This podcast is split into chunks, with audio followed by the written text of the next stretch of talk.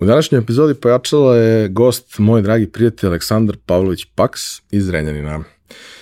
Mi se znamo već nekih 6-7 godina i za to vreme bilo je izuzetno zanimljivo pratiti kako se razvijala njegova karijera. On se bavi nečim što bih nazvao umetničkim zanatom, odnosno radi ikone u Duborezu, ali je pored toga pravio i razne druge interesantne komercijalne proizvode od drveta, kao što su reklamne table, nameštaj, maskice od drveta, odnosno furnira za telefone i sve to ostalo.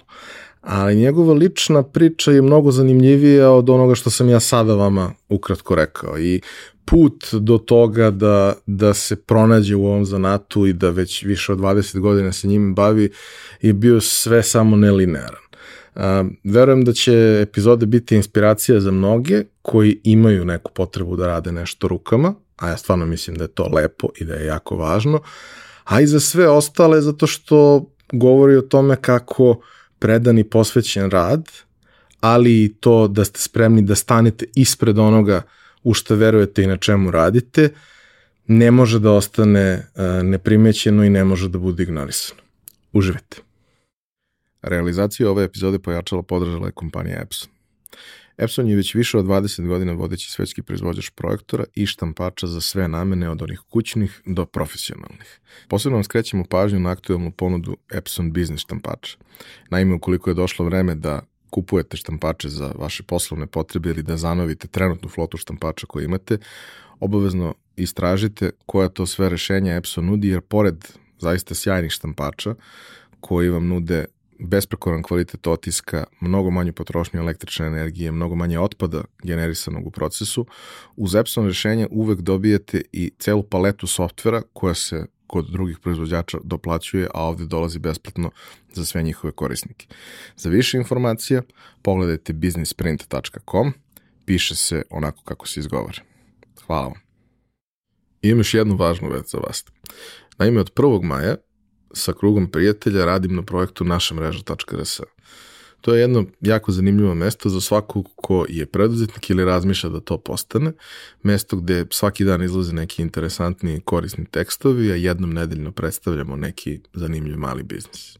Takođe, svakog meseca radimo veliki intervju sa nekim od zanimljivih ljudi sa, sa ovog tržišta, nekim od ljudi koji su lideri u, u onome što rade, pa tako, evo, prvog meseca imamo Slavimira Stojanovića Futra. Uživajte, informišite se i pretplatite se na mailing listu ako su vam teme zanimljive, jer onda će vam svake nedelje stizati digest svega toga svakog ponedeljka na mail. Hvala vam. Za slučaj da želite da nas podržite vi individualno, uh, možete da posetite link u opisu podcasta na platformi Buy Me a Coffee i tu možete kupiti mesečnu pretplatu ili jednokratno donirati neki jednost koji želite. Hvala vam unapred na tom.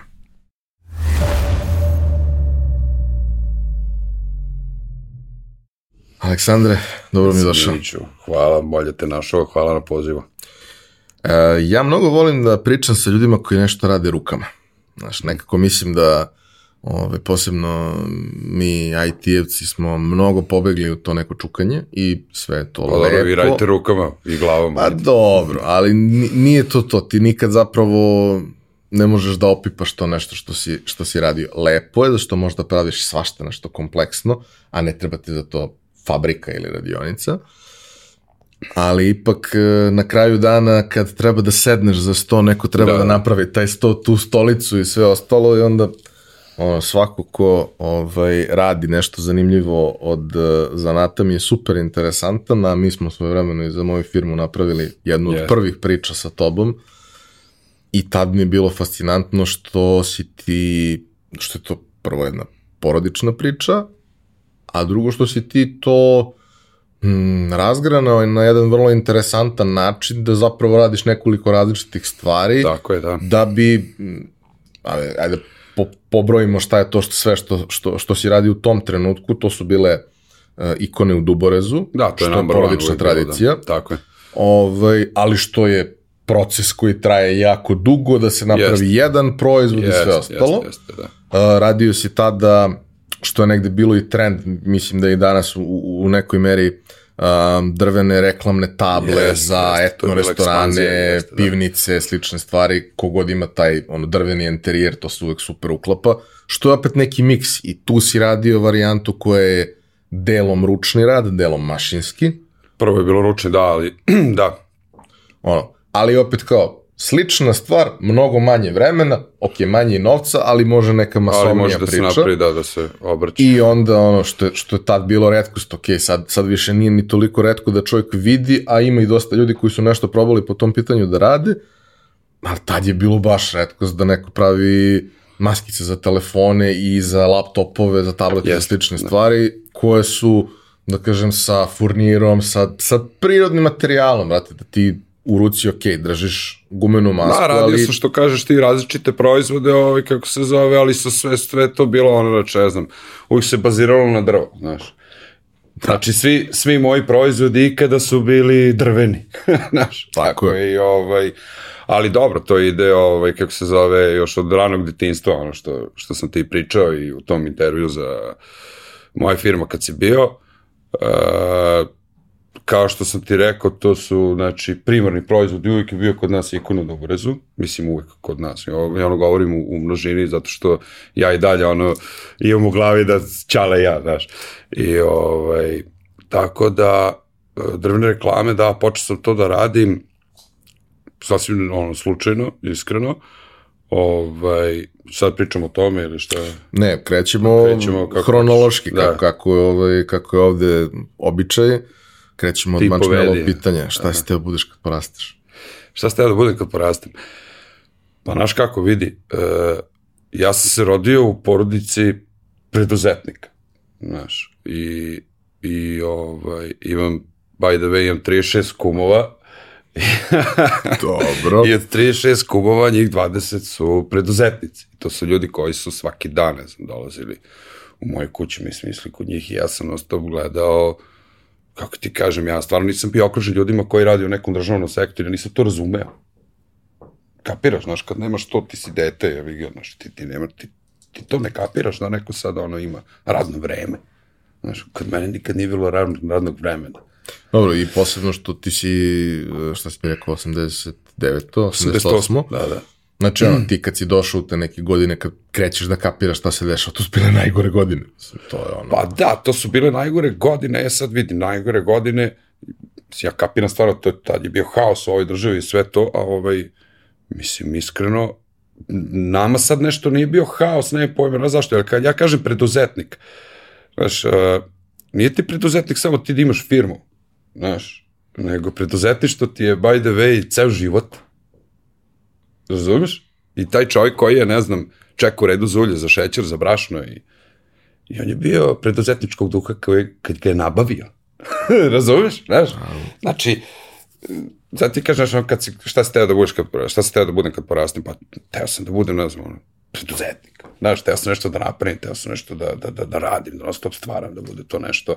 Znaš, nije bilo uvijek tu kreativi, ali sam teo, znaš, ono, da budem, jednostavno nisam imao sad neki, ne znam, sam, sam, ne znam, budem rock zvezda, eto, na primjer, znaš, što sam posle, ja ide, što smo napravili bend, imali smo neki uspeh i tako nešto, ali uglavnom, teo sam da budem ovo što sam, što sam danas, mislim, nisam... Pazi, uh, većina ljudi koji se bave, a ja bi to nazvao tako nekim umetničkim zanatima, Dobro. ovaj, su to kroz svoje formiranje, svoju kreativnost iskazivali na najrazličitije moguće načine. Ovaj, pa su u nekom trenutku našli šta je to što, što im je primarno i, i, i što im je kor. Ok, tebi je to došlo iz kuće jer jednostavno čak i da uh, nisi vernik i da te ne lože takve stvari i sve ostalo, kada vidiš ne možeš da ostaneš samodušan. Znači ja kad sam gledao kako radiš, to je neverovatno prelepo. Da, hvala, hvala ti puno. Ovaj, pa, znaš kako, uh, ja sam uvek gledao, i mislim i moj pokojni otac i ja, smo uvek bili u fazonu, ajde da napravimo nešto, uh, nebitno koliko dugo radimo, znaš, ajde da radimo, lupa mi šest meseci da radimo, ali da to stvarno bude ono, da je to to. Nikad nismo znali, znali da uradimo posao na pola. Znaš, i ovaj, I to danas, verovatno, i još uvek jako velika greška nekih ljudi koji urade, ne znam, posao do, do pola, znaš, i misle kao cool je, znaš, nije. Ove, znači, gledaj, gledaj da ga uradiš do kraja, gledaj, znaš, idi ono što se kaže, ne znam, bi jedan predmet, ne znam, istraživanje tržišta, znaš, znači ti sad gledaš, ok, važe, sad hoću da radim ikone, ajde vidim kako te ikone izgledaju, ajde, ajde, idi u crkvu, znaš, pogledaj kako, inače imaju zlatnu pozadinu, znači oni su u zlatu, znači oni su ovo, znači, e, mi smo krenuli tu da se ističemo uh, dosta u farbanju duboreza, znaš, mm -hmm. i tu, ovaj, tu smo, ja mogu ti kažem, jedini, ovaj, u, u tom, ne znam, oslikavanju duboreza, I tu smo krenuli onako prvo suptilno, naš, bilo je naravno, uvijek, ne znam, Ćalo je bio ofarbo prvu ikonu kao, ne znam, uza, uza si tempere, znaš, ne ide, jednostavno izgleda kao porcela, znači ti moraš da gledaš, da uradiš to, da se vidi da je drvo, da ostane ali da je farmano, da, da, e, i to sad kad to provališ, onda, onda je to, to onda posao ide na dogradnje. Ajde te ja vratim malo još u, u, u detinstvo. Um, imali smo par ovde ljudi tvoj komšiju, Vladu, mog da, partnera da, i prijatelja, Milovana, nekoliko ljudi koji su, da kažem, zrenjaninci, koji su sličnih godina, plus minus nekoliko godina, koji su podelili kako je izgledalo otprilike njihovo odrastanje u, u toj sredini. Meni je uvek interesantno da prvo da svakog pitam kako je to izgledalo, jer čak i ono, Beograd koji nije imao mnogo tih nekih lepih stvari koje možeš da imaš u nekoj manjoj sredini, u nekim mikrosredinama to imao. Neki delovi Beograda, neke škole, da. neka mesta neka su imali da. jednu potpuno drugačiju atmosferu bez obzira na sve. A, Zrenjanin, ono, pre 30 i, i, i više godina je bio dosta drugačiji grad nego što je sad a e, baš smo pričali o tome, o tome pre nego što smo krenuli da snimamo, koliko je to zapravo jedna multikulturalna zajednica s jedne strane, s druge strane koliko je sve prostrano. Da, da, da, jako je velik, da, da. Ovaj, Površinski grad je da. ekstremno velik. I, e, naravno, sve ravno, tako da, da nije da, preterano teško da, da, da, da stigneš da, da. sa kraja na kraj. Nema umaranja, nema uzbrdica. Šta si ti uh, radio kao klinac? Šta je tebe tu interesovalo, ko su bili neki ljudi i u školi i u okruženju, osim naravno najbliže porodice. Da, da, da. koji su ti ono, ajde probamo ovo, ajde probamo ono, ovo mi je interesantno, ajde da vidimo. Pa vidi, Zrenjanin ti je grad, ovaj, to što kažeš, puno se promenio u roku, ono, u 30 godina, nešto baš i, i nije, znaš. Jeste, ajde, došli smo možda neki novi ljudi, jedino što se puno promenilo, što su, što je, što su mnogi ljudi otišli, znaš. Znači, evo sad ti pominješ, ne znam, Vladu Kovača, Vlada Kovač živo preko puta mene, on već u Zrejnu nije, ba, to 20 pa, godina. 20 godina. Znaš, ovaj, i to je, jedna, to je jedna jako velika problematika, zato što to je grad koji je bio treći industrijski grad u staroj Jugoslaviji. Znaš, znači, mi smo imali od uh, fabrike lekova do fabrike sapuna. Sada ti ne nabrajam 36 fabrika, to je ozbiljan grad bio. To je u stvari bio šljakerski grad. Znaš, I, ovaj, I mnoga naselja su se izgradila na osnovu radnika, razumeš, znači, ne znam, baglješ i ovo, ono. E, sad to moje neko odrastanje, to je bio, to je ovaj, naselje 4. jul, ovaj, e, mislim, ono, bilo je cool, bilo je baš dosta ovako različitih struktura, kako ti kažem, i ljudi, i shvatanje i to sve, i mi smo se bazirali, najviše se družili, ostvarili u toj osnovnoj školi, da ste Obradović, da sam ja bio. I ovaj, uglavnom sve je bilo bazirano na sportu. Znaš, znači ja nisam nikad bio nikakav sportista, ali sam, ne znam, trenirao i rukomet i vaterpolo i, znaš, mi smo se družili na terenu, brate, mi nismo nikad bili u kući, razumeš? Mi smo igrali basket, mi smo, da, mi smo bili na ulici, znaš. Ne znam da li je Jenki Zulu daje basket, da li su žmurke, ono kad si bio klinac kliker i bla, bla, bla, ali mi smo se stvarno svi jako lepo družili. I u stvari živeti u tako nekoj maloj sredini ti je nek, neki vid odgovornosti. Znaš, ako napraviš neki haos, ba to zvaće ti čalet. Mm. Znaš, nema ono kao, ej... I svi ti znaju. Ej, ono je, mi, da, i svi ti znaju čalet. Znači, ej, ovo je Minix tamo sa Vračara naša, ja živim, ne znam, na, na, na, ovaj, na Novom Beogradu, znaš, pa kao ne znam komu je čale, ja bih ovde Beograd ima 2 miliona ljudi. Ne, bato. Ovde se svi znaju. Ovde nema zezanja, znaš.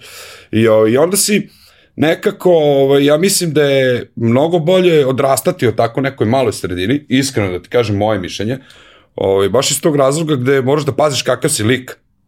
Znaš, ne možeš da baš da budeš ovaj, Ne može da budeš kreativ. da, kako da kažem. I ovaj, tako da ne znam, meni je Zrejn ono super, ja sam i ostao u tom gradu i ok, meni odgovara i to je to. A škola? Škola? Pa škola je bila da ono, usputna stanica. ništa, ništa posebno. Ovaj, jako velike prijatelja sam stekao u toj školi, da kažem, ajde još iz vrtića, ali kažem ti ono naselje i to zrej mali grad, svi su prvo išli u vrtić, cela ta moja generacija, onda se preselili u osnovnu školu, koja je dve ulice od vrtića, razumiješ. I ovaj, da, učenik sam bio katastrofa, znaš, ovaj, da, ovaj, ono, znaš, bilo je, ne znam, se sećaš onih godišnjaka, ono, kao uh -huh. na kraju, znaš, i bilo je sad moj razred, je, pošto je bio najbolji razred u istoriji, dosta je Obradović škole, ne, ozbiljno, znaš, svi su, svi su bili vukovci i upisali neke četvrogodišnje ludačke škole i one pesačke štafete, sećaš Mhm, onog? da, da. I ovaj, bio je, i sad, e, svaki razred imao kao nešto da napiše o svom razredu, je sad moj razred napisao pesmu o svakom, znaš. I sad, ono, ja sad što ti kažem za mene, znaš, kaže, Pavlović najveća luftika u školi, samo jedan nastavnik ga voli, od njega diže im se kosa na glavi, on je za njih mučitelj pravi, znaš. I to je, znaš, i to su pisali, ovima, ja sam ono puk od smeha, a šta da radim, znaš.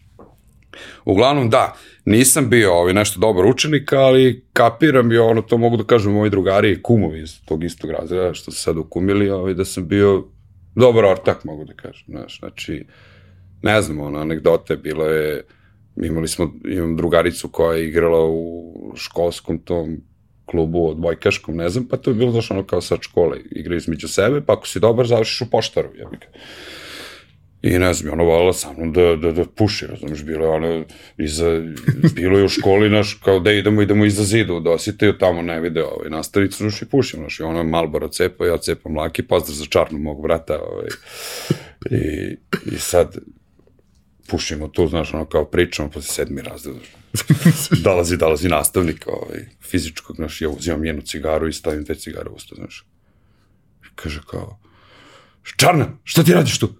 I sad t- ono plava, zašao ko barbik, ja kažem, ej, čuvam i stražu, čoveče, ja pušim, znaš. Kaže kao, šta ti pušiš dve cigare? Ja kažem, ovo je malo bro, ovo je lake, brate, moram probam razliku. A, na, čarna, unutra ti Pavlović, ne znam, ukor, znaš, ovako dobro važi, znaš, i dođem kući, znaš, dolazi, dolazim kući, ovaj, kaže, Ćale, zvali su me škole, mislim, to se kretenčina si, znaš, ja rekao, pa dobro, mislim, šta pušio sam, razumiješ, kažem, pa dobro, ajde sad, ajde, ja sam pušio, što si pušio bre dve cigare? Rekao, čoveče, ovaj, šta treba bre da je navatu? Ajde bre mene, čoveče, mali mene, ja znam šta ću bre, nego šta će s njom, razumiješ da ode do kuće da izlomi ćale, ono do bekašice, kaže on, bravo, bravo. Znaš, i to je to, znaš, ono uvijek je bilo kod nas ovaj da, ne znam, ono, gledao sam da budem dobar ortak, budem dobar lik, ovaj, a sad školu, mislim, nisam nešto ovaj, uzimao za ozbiljno, koliko sam uzimao za ozbiljno te neke sekcije, razumiješ, što su bile u školi, to što je mene interesovalo, znaš, ja sam znao šta ja hoću da radim. Koliko je bila velika škola?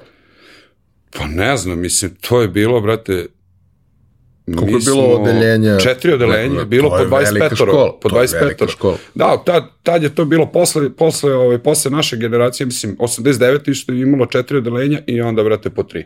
Gotovo, Pazi, znaš. jedan, jedna od stvari recimo u, u mom detinstvu koja je meni bila super je što sam, ja sam išao u Vlada Oksentijevića, mi smo bili jako mala škola. Da, Znači nas je bilo samo po dva odeljenja to, to, to je baš i malo. to je To- ukupno 300 učenika. To je to. Ma to je jako škola malo. 300 ne, to učenika. Da, da, da. I onda to je s jedne strane dobro zato što ti znaš sve ljude koji idu u školu. To je ekstra. Na hiljadu, hiljadu i po ljudi nema smo mogli šanse zajedno da znaš. izlazite u grad. Pa i imali smo te situacije da su nas često stariji pazili u gradu kada Da. imamo neki problem. Jer uvek ima neko. 300 je dovoljno da uvek ima neko Da, bilo mi smo da imali to u gradu uopšte, znaš, mi smo, to je Pa bilo neko da... Da, to je takvo okruženje. Ali recimo mi smo vrlo malo imali, ok, par godina sam stariji, ali mi smo vrlo malo imali tih van nastavnih aktivnosti, sekcija. Imali smo pripreme za takmičenja, jer je i To, ta da, škola bilo bilo, nas, bitno da, da, ono, imaš nekog učenika koji je nešto osvojio negde, ali to recimo, osim profe likovnog koji je voleo ponekad da, da sa nama sedne, vrlo malo sekcija i onda mi je to super interesantno kad, kad neko ima to iskustvo. Šta ste vi sve imali? Pa znaš šta, mi smo imali, na primjer, likovnu sekciju kod Jelene Vlajić, ovaj, ona je onako prva koja je izašla iz tog moda ovaj, kako kažem, ajde, maturog nastavničkog fazona, komunističkog, ovaj, ona je došla relativno kao klinka tu, znaš, čime je završila srednju i valjda akademiju, ne znam, ali ona je to jako to sve brzo ovaj, odradila. I ovaj, ona, ona je bila skroz cool, ona se spuštala na naš nivo, misli, kako ti kažeš, znaš, ajde vidimo, ej, šta hoćeš, šta ovo, šta ono, i to je mene, odme to mene, znaš, kupila me. Znaš, ja sam na svim časovima bio izuzetno nestašan, znaš, a kod nje, ovaj, sam bio miran kao bubica i kažem, daj, daj mi nešto da radim, daj mi nešto, znaš, da, da uradim, da budem koristan u fazonu, da, da, znaš, možda će, možda će ti nešto, ona je bila kao, ne znam, uh, kaže, uh, ja, ne znam, keca iz hemije imam, ludilo, dođem kod nje, žalim se, znaš, be, bežiš od ostalih časova, kao lažem da idem kao kod nje, znaš, da crtam. I oni me puštaju, kao, ajde, ide sa mnom i praviš ovde haos u času, kao, ajde, kapija. I ja, ja odem tamo kod nje, I ja kažem, ovaj, rekao, daj čoveč, aj gledaj mi popraviš nekako tog, tog keca bre iz hemije, ili ću da je ono popravni čoveč, znaš, pazi, to je suvi kec, znači, to ti ono kec iz prvog polugodišta, razumiješ, koji nosiš, iz, znaš, i u drugom imaš keca.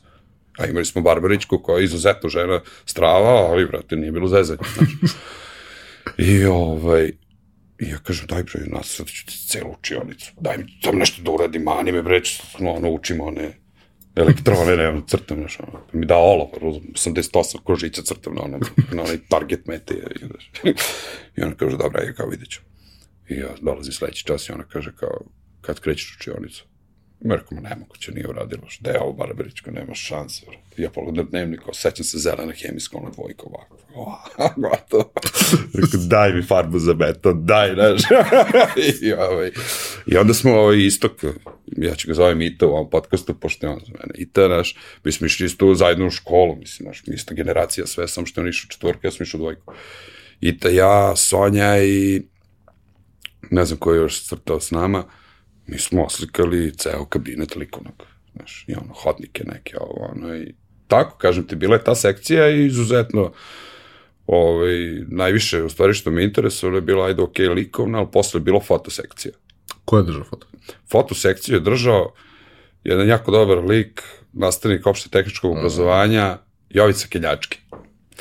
Ovaj, to je čovek i kad si bio baraba, kod njega na času si bio jako fin zato što je on bio jako dobar. Znaš, i prosto te je bilo... Bilo te sramota. Jezivo sramota da budeš, znaš, ono, jedino ono ko nema baš ništa, ono, i on, i on je malo duše u sebi, ono je bio bezobrazan prema njemu.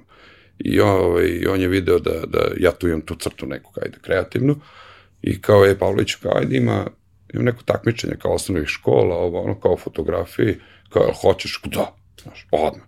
Samo da ne idem na časove, znaš, daj, daj mi nešto da radim, znaš. I, ovaj, i ništa, ja odem ja u toj fotostudio kod mojih ovaj, kućaletovih prijatelja Avala. I ja kažem, ok, dajte mi fotoaparat da slikam nešto. Kaže, kao, ne, ne, ne, kao, znaš, kao, ok, kao, nemaš ti jedan fotoaparat, daću ti, ali moram te naučim prvo, znaš, kako se sedi, ja sad dam, nema da ideš slikaš sa onim idiotom, znaš, ono kao automatski, znaš, kao što sad imaš na telefonu. Kao, ne, ne, kao, ajde idemo blenda, ISO, ovo, ono, šta mora pa seća se da mi nalepio ovakvu nalepnicu iza na fotoaparatu. Sećaš tih nalepnica? Ne znam, kad je tamurno, iso je ovo, kad je ona, dobro. I kaže, aj sad idi slikaj. I ja odem prvo s njim jedan dan, ono kao nešto ofotkam, pokaže mi kako i kaže, ako je naučio si da koristiš aparat, kao, aj čao, pa kaj sa mnom, kaže, šta ću ti ja stvarno družiti? Si kreativan ili nisi? Okej. Okay. I ništa, ja tu napravim ovaj, jedno sto fotografije, to su oni negativi, znaš, oni široki, stari pošto je to takmiče crno-beloj fotografiji, kakve boje, mislim, znaš, čemu pričao. I tu smo, moj nastavnik Jovica i ja, pa jedno dve nedelje smo bili u toj komori, znaš. Meni je to stravo odgovaralo, nisam morao da idem na časove, znaš, kao je Pavlović ide na takmičenje, kao, nemojte da ga dirate, ovaj, on će da razvija, u meni full, draže, ja, ono, tehničko je bilo prizemlje kod nas u tim školama, Ja, druže, da. pušim na prozoru, kao razbijam, a stvarno sam razbija radio i u pauzima, meni ekstra. I ovaj, I ništa, i on mi pokaže i ono kao, znaš, ovde su ti tri posude, ono mrak, znaš, ono crvene silice, mm. kao u filmovima, to je stvarno da. tako. Znam, znaš, radio sam sa čaletom. Ne, sa kovrim ljudima, to je stvarno tako. Znaš, Ali naravno kad nemaš uh, učionicu, je bilo, to je kupatilo. Da. I ovaj, kada I kako se zove, fora je, znaš, ti, ti sad imaš tri posude, razumiješ, imaš fotopapir, prvo nabaviti taj fotopapir, to je bilo nenormalno, znaš. I ne znam, onda imaš jednu veliku mašinu, razumeš, gde menjaš ta neke, neke boje i to. I sad osvetiš prvo taj fotopapir, znaš, čekaš, ne znam, stvarno ne mogu se setim koliko, tipa 15-20 minuta, e onda ide razvijač, ti kad staviš, ruže, taj papir u, u, razumeš, u taj razvijač i kad gledaš Kako nastaje? ti si, brate, gotov. Znaš, e, to, to je mene ložilo uvijek. Znači, daj mi od ničega da napravim nešto. Znaš, daj mi od jednog belog papira da ja napravim fotografiju. I naravno, ovaj, dođem mi to odradimo, osjećamo mi, poređemo slike, slike se pola savila, ma katastrofa, znaš, tipa Jovica to nije radio 40 godina, znaš, i ovaj, ali ajde, kao, znaš, ima nekog iz škole. i odemo mi na takmičenje, pa to je bilo opštinsko takmičenje. Znači, ono, Zrenjinska opština i to je to. I ovaj, i kao sad mi treba napravimo pano. Kakav pano, druže, ja idem po školi. Čekaj, ja, nisam kupio hamer, ništa. Dan takmičenja, ja, ono zaboravam. Meni samo bilo bitno da se napravi fotografiju, znači neki stari stiropor, majke mi. Stavim, ta, ta, ta, ta, ta, čije ode, odem tamo, napišem markerom Pavlović Aleksandar i sad idemo u žiri. Pa to je bilo, to je bilo naš 40, znači to nije bilo zezanje, znaš. I dolazi moja drugarica, Ćale drži fotografsku radnju ovaj, u Zrenjinu, I sad, ono, fotografije, druže, ja kad sam vidio, ja se uplašio, znaš. Pa ne znam, most ovako, sve ono, top napravljeno, crni hamer, pano, velik. I rekao, ma go, Pavloviću, druže, dobio sam još ono, blamčina deca, tira stiropor, i uglavnom tu je bio žiri jedan ozbiljan. I dolaze oni sad i dogledaju, znaš, i okej, okay, super sam ja imao tu ideju, ja sam te uvijek da napravim nešto da bude umetni, znaš, ono, uvijek sam išao na neku komediju. Znaš, da, znaš, ono, ti se sad smeješ, znaš, sam gledao, kako, je, kako ti sad razumiješ klinac od, ne znam, 14 godina, 13-14 godina, sad će ti neke ozbiljne teme, mislim, to su budalaštine, daj, vrat, idemo da slikamo neku zajebanciju i to će njima verovatno nešto biti zanimljivo, znaš, sve u skladu sa svojim godinama, što kažu. I ovaj, i dolazi ovaj lik do mene i kao, taj glavni žiri, kao, kako se radi te fotografije, znaš. Ja kažem, pa kako, kako, sliku išao tamo uzao, ne znam, Stanka i Vlade te uzao aparat, razumeš, sliko, razvijaš i kaže, tako si radio. Rekao, Jesam, da, kako? Kaže, okej, okay, važi, prvo mesto, aj čao. Je, druže, prvo mesto, rekao, kako prvo mesto? Kaže, druže, ovo sve radili mašinama. Šta ti to nije? ne, naš, i onda sam shvatio, u stvari, uvod u celu ovu priču ručnog rada, onda sam shvatio šta znači, šta je u stvari ručni rad, znači koliko se to u stvari ceni. Znaš, A dobro, pazi, mislim, celo, celo iskustvo je neuporedivo dragocenije onog trenutka kad proživiš sve to. pa kako ne, kako A ne. to što kažeš, ono, kako se sve isavija, pa naravno se isavija kad je mokro. Pa ne, ne, da, znam, ali kako, kako ti Ne kažeš, znaš, to je sad, tako je, mislim, znaš, to je meni bio prvi put, u taj kojim drže tu sekciju, razumiješ, to nije radio, ne znam, slupio sa 40, nije radio 20 godina, razumiješ? On je znao proces, ali nije se on time bavio. I onda smo mi otišli na to takmičenje, čisto da ima neko iz te škole da ode, tako zašto se održava takmičenje u toj školi. Zna, znaš, pa sad ne budemo baš ono, da. indijanci teški, razumiješ? Tako su mene slali na šah bez pripreme, jer kao u našoj školi, ajde ti bar nešto. Kao. Da, ali jesam ja posle stigao i to je bilo okružno. Stigao sam do republičkog, ovde u matematička gimnazija, bilo bi matematička gimnazija, da, Yes. ili srednja Da, škola, tako. da, da, gimnazija, gimnazija. Ovo, tu je bilo takmičenje republičko, tu sam bio, ne znam, drugi, mislim što je ono okej, i na međunarodnom sam posle bio drugi. I to je to od fotografije. O, dobro, ali to je Da. mnogo lepo. Svaka. Pa jeste super iskustvo, znaš. Pa znaš šta, uvijek sam gledao, znaš, ono, ako imaš nekog uspeha, ajde, ono, idemo dalje, idemo dalje, idemo dalje. Ili, na primjer, uvijek sam bio taj koji je bio gladan nekog uspeha, ajde. Znaš, verovatno to ide iz kuće. A posle osnovne škole, srednja, Posle osnovne škole, da. Posle osnovne škole, pošto smo imali jednu jako veliku stolarsku radionicu u planu, i ovaj, mi smo to i napravili, sve to. I ja sam pričao i sa Čaletom i znao je on u stvari šta ću. Ja, ja sam znao šta ću i on kao, ajde, ću da upišeš za stolara. Znaš, pa ko ajde što upišem za stolara? I upišem ja za, za stolara ovaj, u srednje poljoprivrednoj u Zrenjaninu. Međutim, ovaj, ok, to sve je iskustvo, ta škola je negde zabačena u gradu, u nekom slepom srevu, tako da ti se ne isplati da pobegneš sa jednog časa, nego kada beže, bežeš ceo dan. Mislim, šta ti kažem, razumiješ, treba mi 45 minuta do centra, onda, vrat, neću da odem u školu, pa ću, znaš, onda... I uglavnom tamo ništa, niko nikad ništa nije naučio, zato što jednostavno je to taj ceo sistem učenja zanata u mojoj generaciji je ono, otišlo u minus.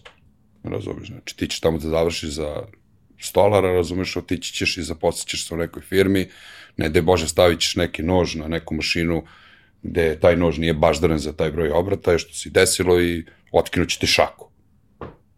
Razumeš? A ti u toj školi učiš da čistiš radionicu i da nosiš daske. Pa mislim, to mogu i kod kuće da ne. Razumeš? Ne znam.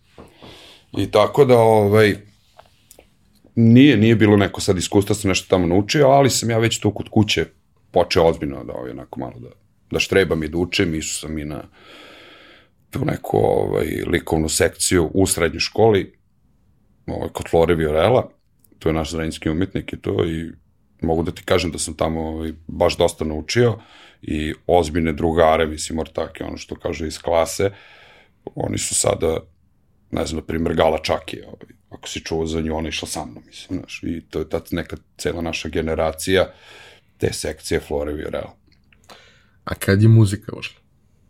O, e pa muzika ti je od ranog detinstva, bukvalno, pošto je moj otac pravio, ne znam, gitare Bori Đorđeviću i svim mojim poznatima i bavio se tim razglasom i ovaj, ja sam odrastao u kući gde ono, rock and roll, znaš, i kako se zove, a od Kevine strane su mi svi, ne znam, muzički obrazovni, ne znam, Keva završila muzičku, brat rođeni, sestra, akademije, deda mi bio, ne znam, prvak neke one Slavolije u, ovaj, u, na, u primu i to i imao sam tu neku crtu za muziku koji Čale mi svirao bas. I kad si ti nešto krenuo da radiš konkretno po tom pitanju? Pa znaš kako, mi smo, mi smo, mi smo kao klinci jezivo slušali muziku i ovaj, dobro je što nas je udario taj neki talas, kažem, talas rage znaš, uh -huh. ovaj, slušali smo ono, ne znam, Rage, Nirvanu, ovo ono, i sad su svi tu moji ortaci svirali te neke gitare i to sve, i ja to nisam nikad, uvijek sam, ne znam, od njih sam rekao, daj malo da uzem gitaricu, ovo, malo, malo sviramo, malo ovo, ono, ali šta je fora? Fora je tom što sam ja stvarno pevao, znaš, uvijek, ne znam, ja sam bio solist u horu, bio sam i u crkvenom horu Rafailo i Banatski, ovaj, iz Renjina, e, i to je mene uvek, znaš, ono, ložilo. Ložilo me da budem na sceni, ložilo me da, ne znam, ja sam, ono, proglašen za najveselijeg maturanta moje osnovne škole, e, što sam pevao govedinu bez cenzure ovaj, sa Tijanom Dapčević, mislim. Kao. Tako da, ovaj, znaš, uvijek me ložila bino, rekao, ajde, okej, okay, šta, nema problem, kakve kamere, mislim, to su meni budalaštine, znaš. I, ovaj, i uvijek mi to bilo i onda smo, i onda smo moji napravili band, Ita, istok, uh, Italo Borabenović, Zoki i Beca, to je bio, tad je bio Pine Cons. I ovaj, Beca je otišao iz benda, nije mogo više, nije ga to ložilo, bla, bla, bla, i kao, da kao nemaju pevača, mi su se družili ono svaki dan, razumeš, znaš, vrtaci iz vrtića, ceo život, znaš. I otišli smo, seća se, bila neka svirka i te ja i o tom nešto krenem da pevam, kažem, to, to, to, kako to, kako to pevaš, znaš, šta? Šta kako pevam, brate, ja tako pevam ceo život, znaš, ono. Kude, dođi vam, znaš, i pusti mi pesmu, ne znam, u kavezu mašta. I kažem, kao, možete ja ovo da otpevaš? Kaže, Evo me zajebaš kao. Kaže, ajde otpevaj. I ja mu otpevam, kažem, daj, molim te, dođi sutra, molim te. Evo dođem, kaže, na probu, kao, ajde, super. Odem na probu sutra, sutradan otpevam tu jednu pesmu, pazi, ono, mislim, ovi kažu, kao, daj, pak, ajde, molim te, kao, znaš, čeče, imamo bre pesme, imamo sve, kao, znaš, ali oni su tad imali tad jednu jedinu pesmu, na srpskom su speli na engleskom. Ja kažem, malo drugari, ja engleski nemam pojma da pevam, neću da pevam engleski, razumeš, daj, ne, napravimo srpske tekstove, ajde. I onda smo mi, i onda smo ovaj, preimenovali bendu Šišarke, znaš, I to je svima bilo čudno, to je neka naša interna fora, ovaj, zajebancija i, ovaj, i bilo je zanimljivo, ko što da ne, znaš. I ovaj, napravimo mi taj bend, oformimo se ponovo, bla, bla, bla, i krenemo da radimo jednu pesmu. I mi smo tu pesmu radili četiri meseca. Ali pazi, pazi, mi smo to radili, ja, ja sam rekao i, i složili su se svi, naravno, svi, svi smo imali to mišljenje, rekao, ajde da uradimo jednu pesmu, Al, kako ali da valja. Kaže, ajde. I mi ne znam, pazi, nikad nismo imali sramo, ja barem nisam imao nikad sramotu da, da zovem nekog i da pitam, nešto ako neko, ako ti znaš sad nešto bolje od mene, druže, ja ću te smarati, vidi, tri dana. Ali, samo mi objasni kako, ja ću se podruditi da tako nešto odradim. I onda smo zvali ovaj, iz renjskog repera Citizen X-a, Kesu, rekao, ajde Kesu, daj, daj neki tekst, nešto, ono, ti si dobro s tim tekstom, druže, on napiše, ne znam, pesmu, ono, 50 strofa, razumiješ, nama, je- nama, čet, nema dve strofe, problem. Znaš, i mi tu napravimo kao, ej, kao, ajde Beco, šta ti misliš, pazi Beco, bivši pevač i Tim Burazer, kao, kaže, aj, aj, probaj to, ono, kao, refrenu, evo, evo, evo, a, da, Nickelback, ok, da, to mi je u glavi, znaš, sećam ono sam to, e, na, na, na, na, na, i naravno, Bregović i fazoni, ono, i napravio mi stvarno tu pesmu, i ok, rekao, ajde, ne, ne da izdajemo tu pesmu, napravimo spot. Kaže, kao, kako, pa duže mi 19 godina. Love, bez. Ajde bre, naš, i Tim Streets tad ima neku, ima neki studio, ne, pa ima neke snimatelje, i kao, ej, deda, kao, ajde, kao, jel hoćeš da nam daš ovih svog snimatelja, kao, kožu hoću. I on, jedan dan, ja zovem, pa ja odem u, klinac, odem u stari radijator, u radijator fabriku u Zrejinu i sad je bila neka stara zgrada koja je napuštena već 70 godina, otprilike, znaš, ono, pacovi, i rekao, idemo tamo da snimamo spot. Kaže, kao, pa ajde, znaš, idemo, i mi tamo ulazimo kolima, ja cimam burazera, on se bavi rasvetom, ono, kao, daj, donesi mi te reflektore, donesi mi onu fog mašinu, sve, sve, sve, sve, sve. I mi snimamo spot, nas uh, petorica sa drugarima. I taj spot ispadne brutalan, jako zanimljiv, imao je taj neki ludački koncept. Uglavnom to je bio sve playback, naravno, a pored je bila osnovna škola gde su prekinuli nastavu i svi klinci su bili na prozorima. Znaš, kao, da, došao je neko poznat, dražu, u stvari mi je ono katastrofa, razumeš? I svi mi taj spot izbacimo tu pesmu kao single i to postane jezivo viralno. Zbog tog refrena, zbog tog rifa, zbog toga što su se mi razlikovali od stvari od drugih tih nekih zrenjinskih bendova, zato što nismo hteli da imamo natapirane kose jebi ga, i da nosimo zvoncare. Znaš, to nije bio naš fazon, to je bio fazon mog čaleta. Mm. E, razumeš, znaš, znači to je, to je bio jedan jako veliki problem u rock'n'rollu kod nas, zato što su svi radili iste stvari 40 godina, Svi su razumeš? ostali White Snake. Da, svi su ostali, ništa loše, White, pazi, ja sam slušao White Snake. I ja sam slušao i volim i sve to redu. I dan danas slušam. A, brate, znaš ono, nemaš nositi šimike i bele pantalone, znaš, i havajsku košulju. Šta, ajde vidimo, šta ko nosi, ajde vidi, vidi, brate, vidi, vidi, metalika, druže, kako je napredovalo s godinama. U stilu, nemam pojma čemu. I mi smo tu naravno odmah postali, ovaj, mrzeli su nas, znaš, zašto smo bili drugačiji, znaš. Mi smo volili, slušamo Limp Bizkit, razumiješ. Ja sam volio Korn, Limp, Rage, ne znam, Audio Slave, posle. Sad ti ne nabraja, mislim, ono, Fate No More, razumiješ, ne? I ovaj, kako se zove, to, znaš, služe, ja volim da budem ispeglan, ja volim da imam, znaš, ono, Ureda. da, superstar, patike, razumiješ, znaš, puma, znaš. I ovaj, naravno, to su sve moji drugari što su, ali oni su u tom fazonu, čak i muzika im je bila u tom fazonu, što je još gore. Mi smo, na primjer, izbacivali, šta će mi solo na gitari? Kakav solo? Ti imaš Olimpo solo na gitari? Nemaš.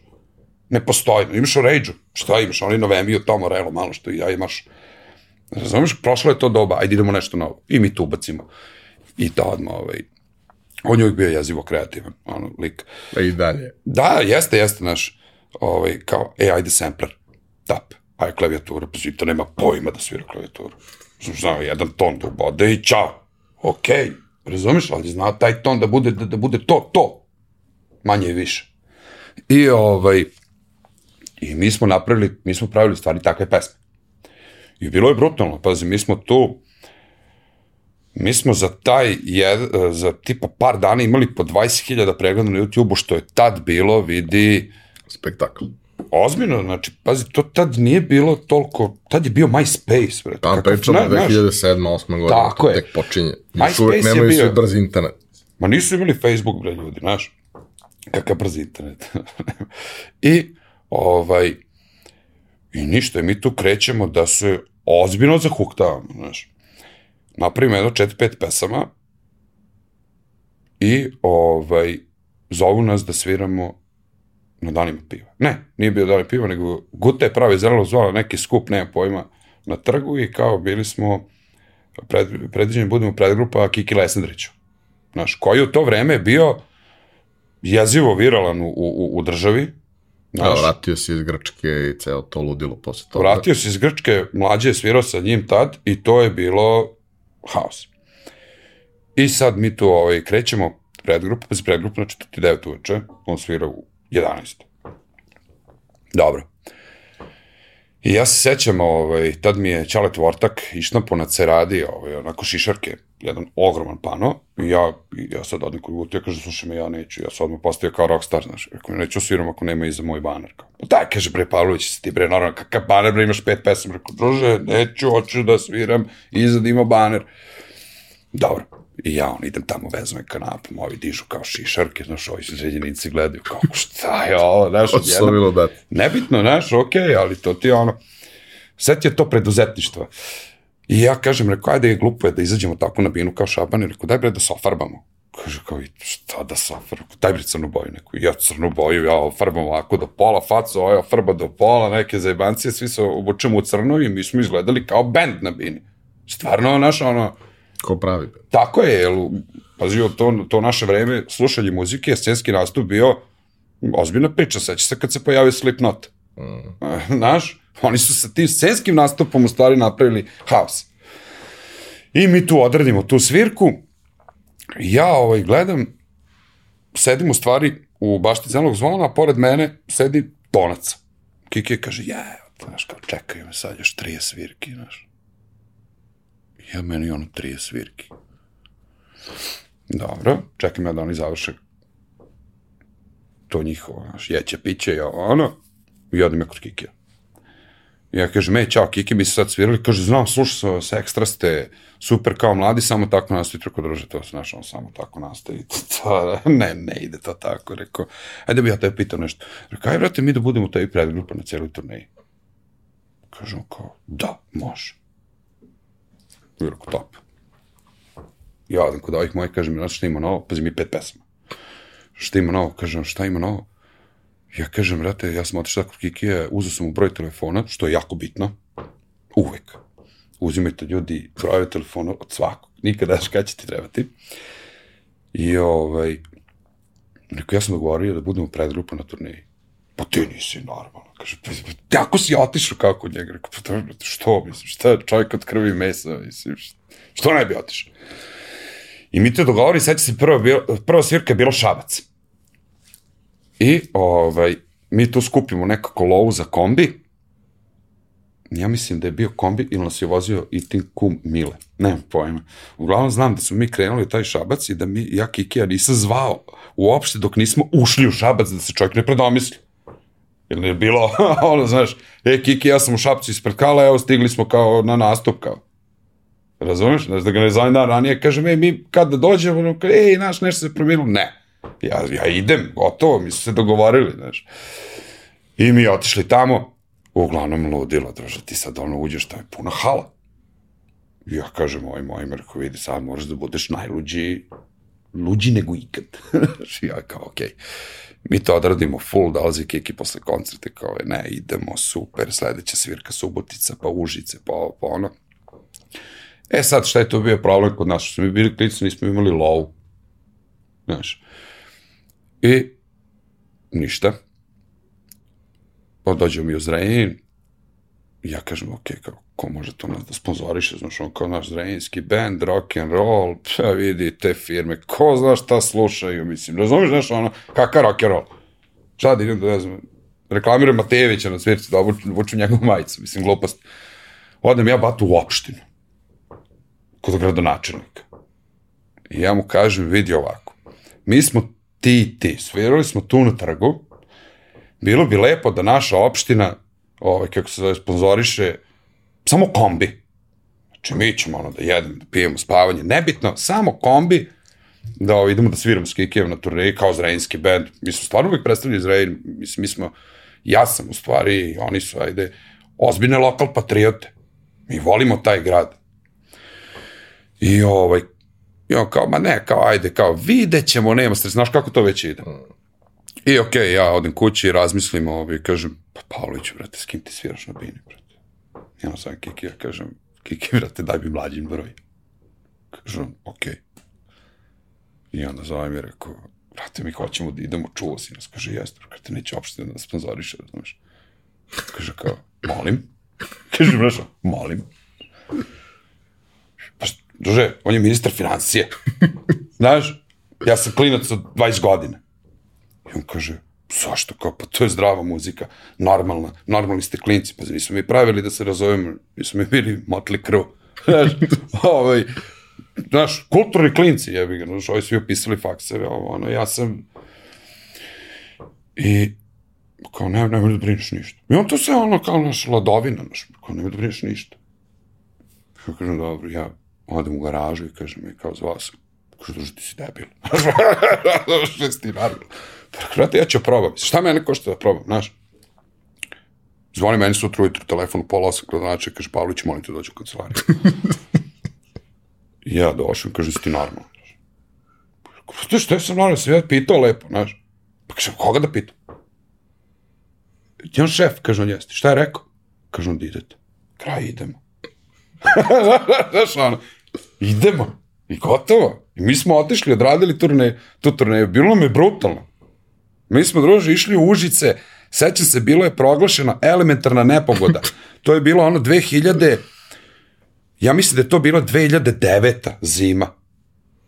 Znači, Kad Miniću... bilo minus 40. Majke mi, tad Sećam je bio minus tipa 25 dana, ledenice su ka, odavde do plafona bile. Imam slike.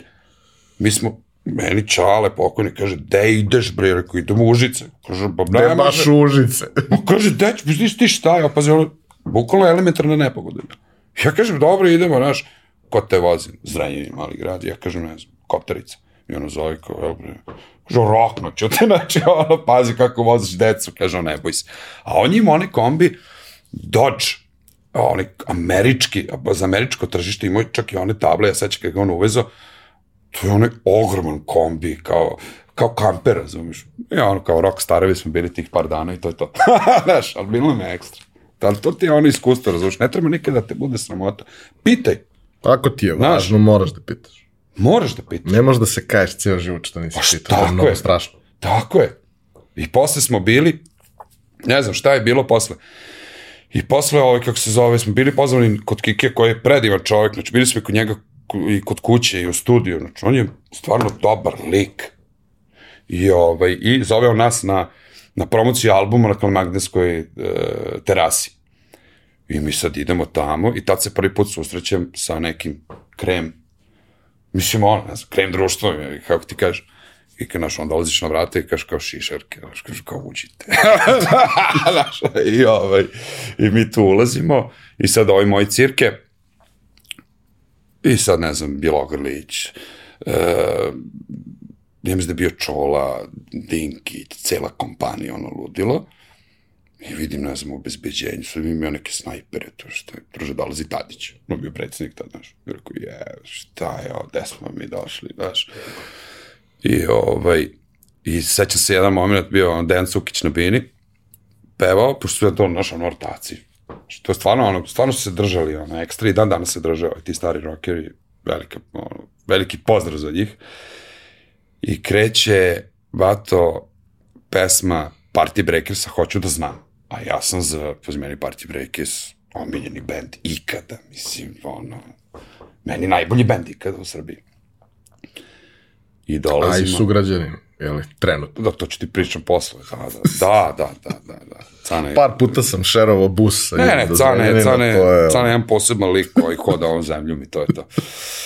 Haos. I uglavnom, ne, sad ću da skratim, ali neću više da dužim, Dejan Cukić na Beni Ludilo kreće pesma, ono, tadam, znaš, gotovo, hoću da znam, i Zoki pored mene bubnjar i samo pogleda i kaže, hoćeš? Naravno, ja se penjem na binu, daj mi mikrofon, i Dencuki samo tap, i otpevamo zajedno tu pesmu, sad i to mi posle pričao, i kaže, ja cirke nešto gledam, vidim, pak se penje na binu, kaže, ja, se drože, da spoka. Aj, ovo gotovo, oj snajper ovde, oj ide beži tamo, da pita ko je to, puško mi to digali kantere, mislim, katastrofa, znaš, I uglavnom je to ti je neka era, eto, to, to, te muzike i koja se završila ovaj, onako za mene, to mi je ono što kažu jeziva rana, ovaj, zato što su uh, znaš kako, svi su oni išli na faks, imaš, imali su to neko slobodno vreme, a ja sam tad učio dubrez. Znaš, i uh, tad sam morao da prelomim šta ću. Jer nismo mi bili band koji je svirao, kako ti kažem, po klubovima cover pesma, nego smo mi bili band koji su svirali autorske stvari i mi smo hteli da se probijemo sa tim i išli smo jako, ovaj, kako se zove, uspešno ka tome.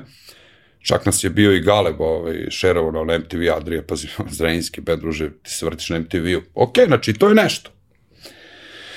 I ovaj, dolazi, dolazimo do tog momenta kad ja dolazim kući, pošto to bile probe, ja ne znam, učim duborez od 8 ujutro do 3 popodne, a imam probu od 5 do 9 uveče. Dolazi kući i sad Ćale, pošto se druži sa svim tim ljudima, sa rock scene kao klinac, video šta je to. I kaže, aj sedi malo i kaže, aj video sam sad šta se ovde dešava i kako to ide, neko da ti, ajde ti nešto kažem, pa ti odluči. I kaže mi, vidi nešto ti kažem, ti, ti dva posla nemaš da nađeš. Pogotovo tako dva posla. Ti od uboreza možeš da prisutan non stop, a muzika je isto okej, okay. od toga nećeš raditi nikad ništa u životu, pogotovo u rock'n'rollu, to odmah da ti kažem. Ako to odlučiš, ja stopiram sve u fazonu, nemoj više da učiš duborez, nemoj to idi radi, kupit ću ti ozbiljnu opremu, ako hoćeš, bavi se muzikom i to je to. E sad vidi, ja sam već tad video šta je to, to ti život na točkovima, porodicu nulu bodova, znači ono, ok, mi smo još i bili, iskreno ti kažem, i pametni i lepo vaspitani, pa nismo pravili haos što tiče te droge i tog alkohola, ali to ti je to sve prisutno, znaš, i nažalost, znaš, to ti je neki dečački san koji samo može da bude san. Znači, ne može da bude java zato što nije realno. U ovom o sada trenutno vremenu, čak i tad pre 15 godina. I on kaže, ništa, moraš da odlučiš kao jebi ga. I ja sad, pazi, ono, imaš najbolje ortake koji su, ne znam, pored tebe, ono, ne znam, spavali u istom krevetu, lomili se, znojili u garaži, smišljali pesme, sve, sve, sve. Ja otpeo ceo album, druže, u studiju, album treba da izađe. Znači, odradili turneje, odradili sve. I ja, ono, stvarno seo, razmislio, kažem, ne, kao, budi realan, znaš, ono, ok, san, ali ono, pa, to, to su ti deči, dečije glave, to je 21-2 godine, to, to je haos. I ja odem i kažem, rekao, vidite, drugari, nemojte se ljutite, ja neću da snimim s vama ovaj album. Kaže, Pax, brate, snimio si sve vokale, razumiješ? Rekao, okej, okay, imate sve, sve ću vam, pot, mislim, vam potpisati, ne, ne, kažem, ovaj, ja jednostavno neću da krenem nešto da radim ako ne mogu da radim do kraja.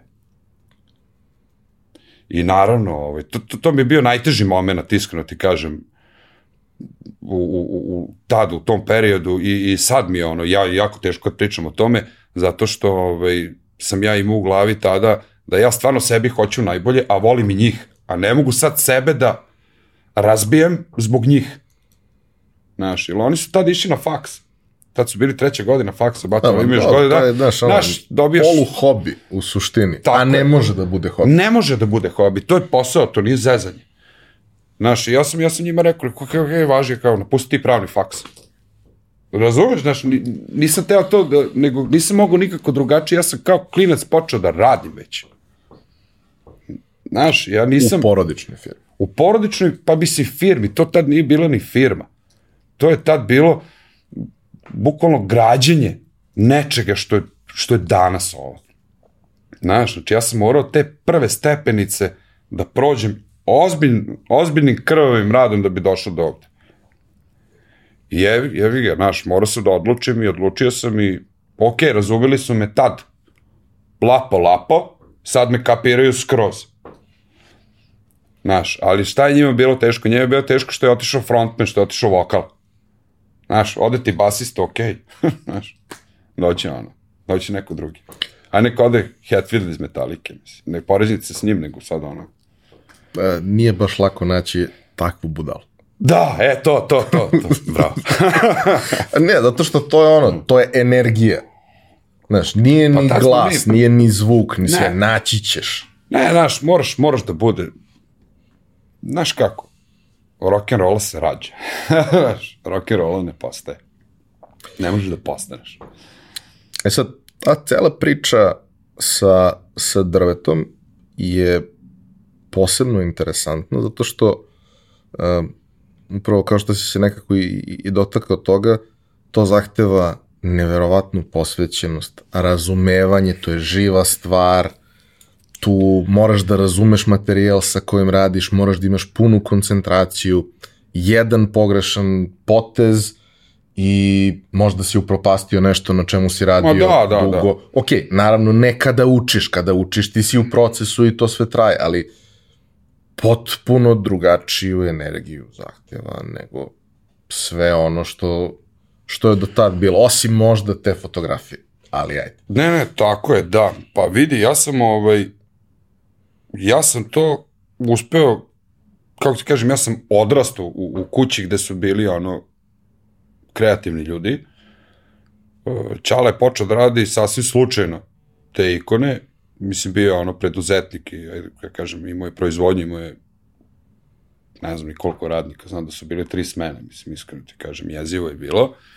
I on je počeo slučajno da radi to kad se razboleo. Znaš, kad više nije mogao ništa drugo da radi fizički, ne ništa drugo, nego nije smeo ništa da radi. I mi smo otišli da, u stvari da kupimo ikonu. Znaš, mi smo otišli da kupimo ikonu Svetog Arhanđela Mihajla i otišli smo kod ljudi ovaj, u Zrenju što se bavi isto duborezom, vrhunski majstori, baš ono ozbiljne zanatlije. I, ovaj, i mi on to gleda, ovo ono, seća se mi u kolima na, na putu ovaj, kući, pazi, od tada ima 13 godina. I kao, ej, Sale, kao, ajde ovaj, sutra, idi kod ovog mog drugara, on će zalepiti dasku, dresi ti, uradit će ćala ikonu. Rekao, te, dobra. Znaš, ja, znaš, u tom momentu, znaš, sad ti njemu nešto protivrečiš, tu, znaš, onda kao sad ti njega, ono, mi imamo bolesno srce, ja sad tu njega nešto da zajebavam. Znaš, posle se ja osjećam loše. I okej, okay, ajde, odemo mi, zalepimo dasku, donesemo, državno uradi ikonu.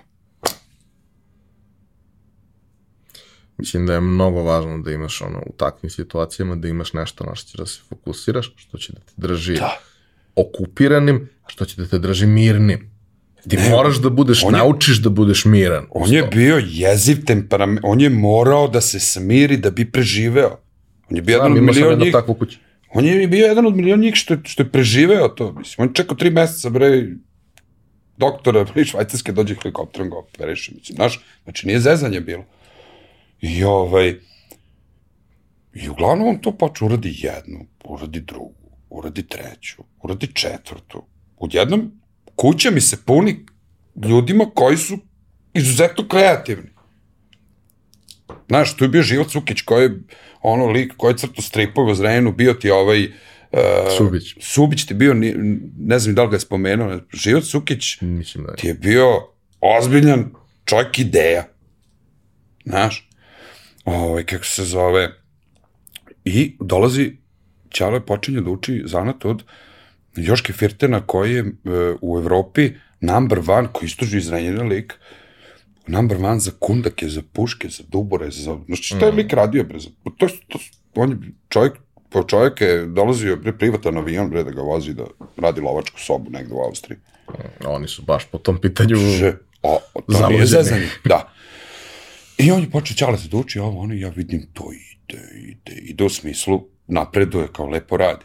A ja, pošto sam već se bavio, što ti kažeš fotografija, već se bavio, ovaj, išao sam i kod Flore za nacrtanje i slikanje i kod ove moje vlajičke, nastavnice osnovne škole, na, sa ta takmičenja, koje ja tu nešto probam.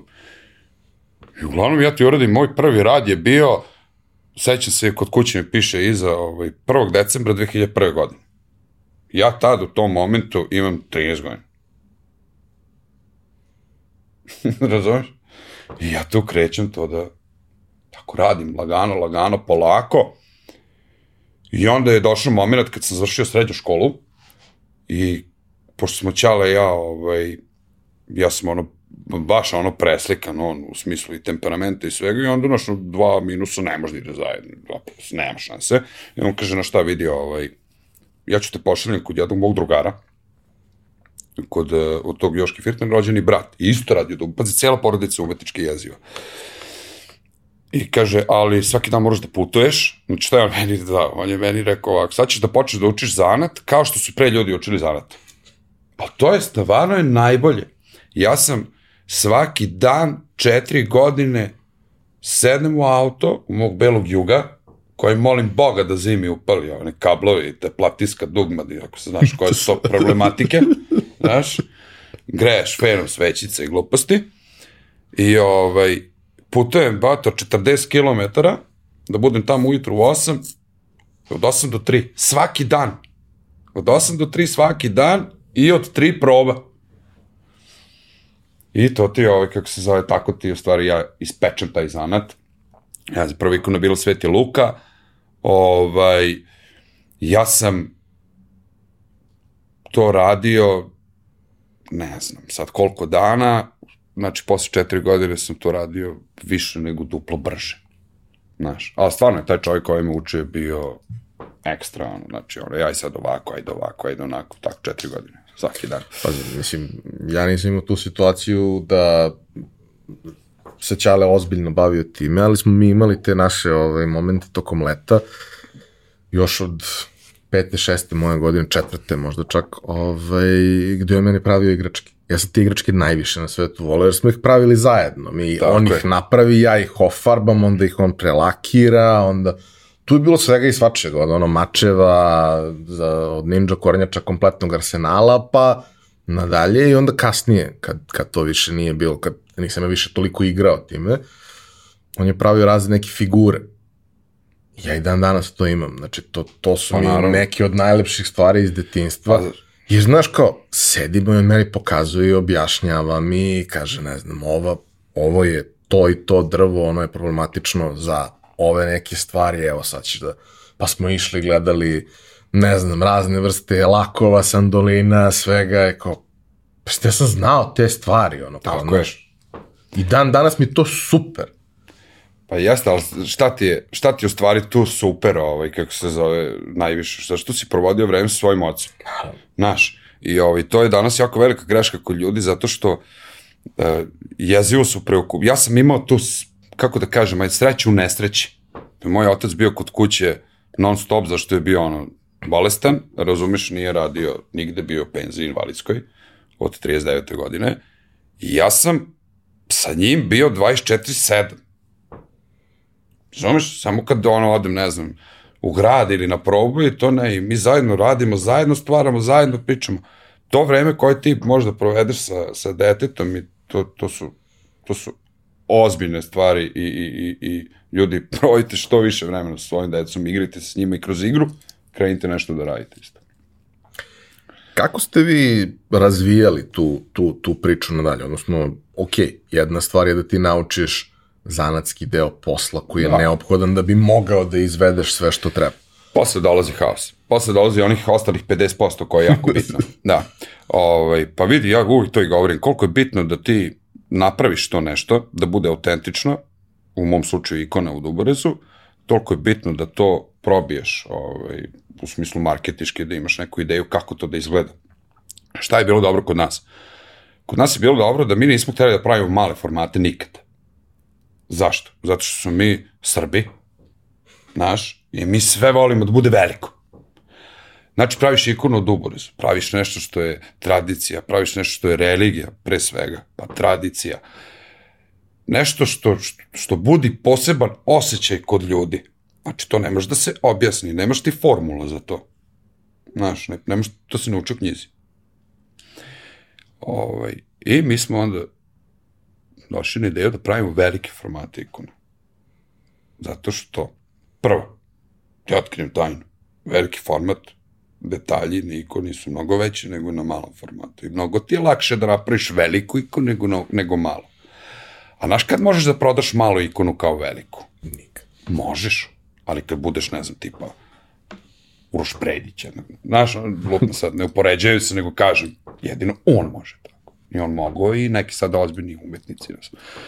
Tako da, ovaj, mi smo to odmah krenuli, znaš, i to odmah su se isticali po tom zašto pravimo velike ikone.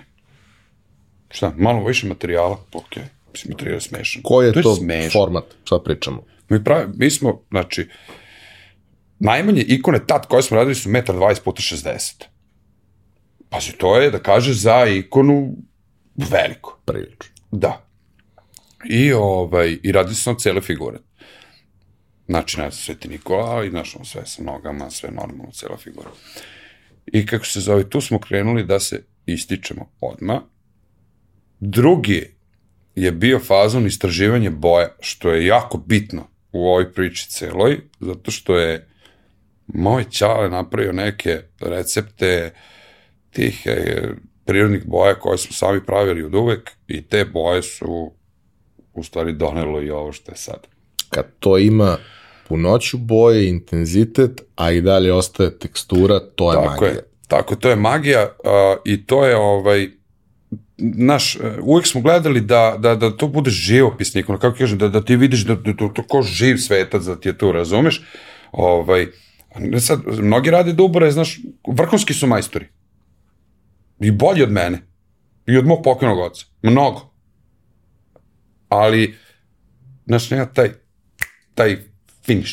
Znaš, ono, kaže, ej, daj sad, ono, daj da uradi sad da, da to bude. Ono, bam. Je. Nikad nismo hteli da napravimo tako, nego smo hteli stvarno ono da se to sve lepo ukombinuje sklada ono sa, sa zlatom, sa bojom, sa, znaš kako ikon, ikon umro da je bogata. Znači mi smo odmah krenuli da pozlačujemo ikone i da radimo i to. Tako da ja mislim da je, da je tu, ovaj, da je to bio najbitniji moment što se tiče tog isticanja u, ovaj, u samom tom radu, a što se tiče marketinga, ovaj, to, to je meni mnogo pomoglo te drvene reklame što sam krenuo da radim. Zašto? Zato što uh, ta cikona nisu puno prodavale, nije bilo toliko društvenih mreža, bilo je, ali nije bilo toliko već popularno. I ovaj, jedini je bio vid da se ti ispromoviš preko izložbe. Ikona, ne znam. Ali, daj da sad pričamo o tim drvenim reklamama, šta uopšte Dobro, mislim, imaš i taj moment da, jeli, da bi napravio deset ikona, treba ti nekoliko godina. Ma ne, sad ću da ti kažem, gledaj ovo, e, taj moment je jako bitan. E, bitan je zašto sam ja od, e, mi smo, znači, mi smo jedno šest godina radili svaki dan na strojicu. Znači, taj moj učitelj, ja i pokojni otac. Mi smo skupili, mi se skupili, pazi, ja ne mogu da ti opišem, mislim, ja sam imao oko 60 gotovih ikona. Znaš šta je 60 gotovih? Razumeš? Svaki ikona me zna. I ovaj, i dođem na ideju, meni nešto dune, odem u Narodni muzej i kažem, u stvari prvo izložbu je moj čale napravio, ovaj, kao zbog mene, da, da kao vidim da to ljudi interesuje, u jednom restoranu, Pera, ovaj, u restoranu Biškerek u Zrejnu, on je, Pera je to organizovao i te ikone su bile tu jedan, dva, tri meseca i ok, ajde idemo. I to je uglavnom bilo znači, za uži krug ljudi.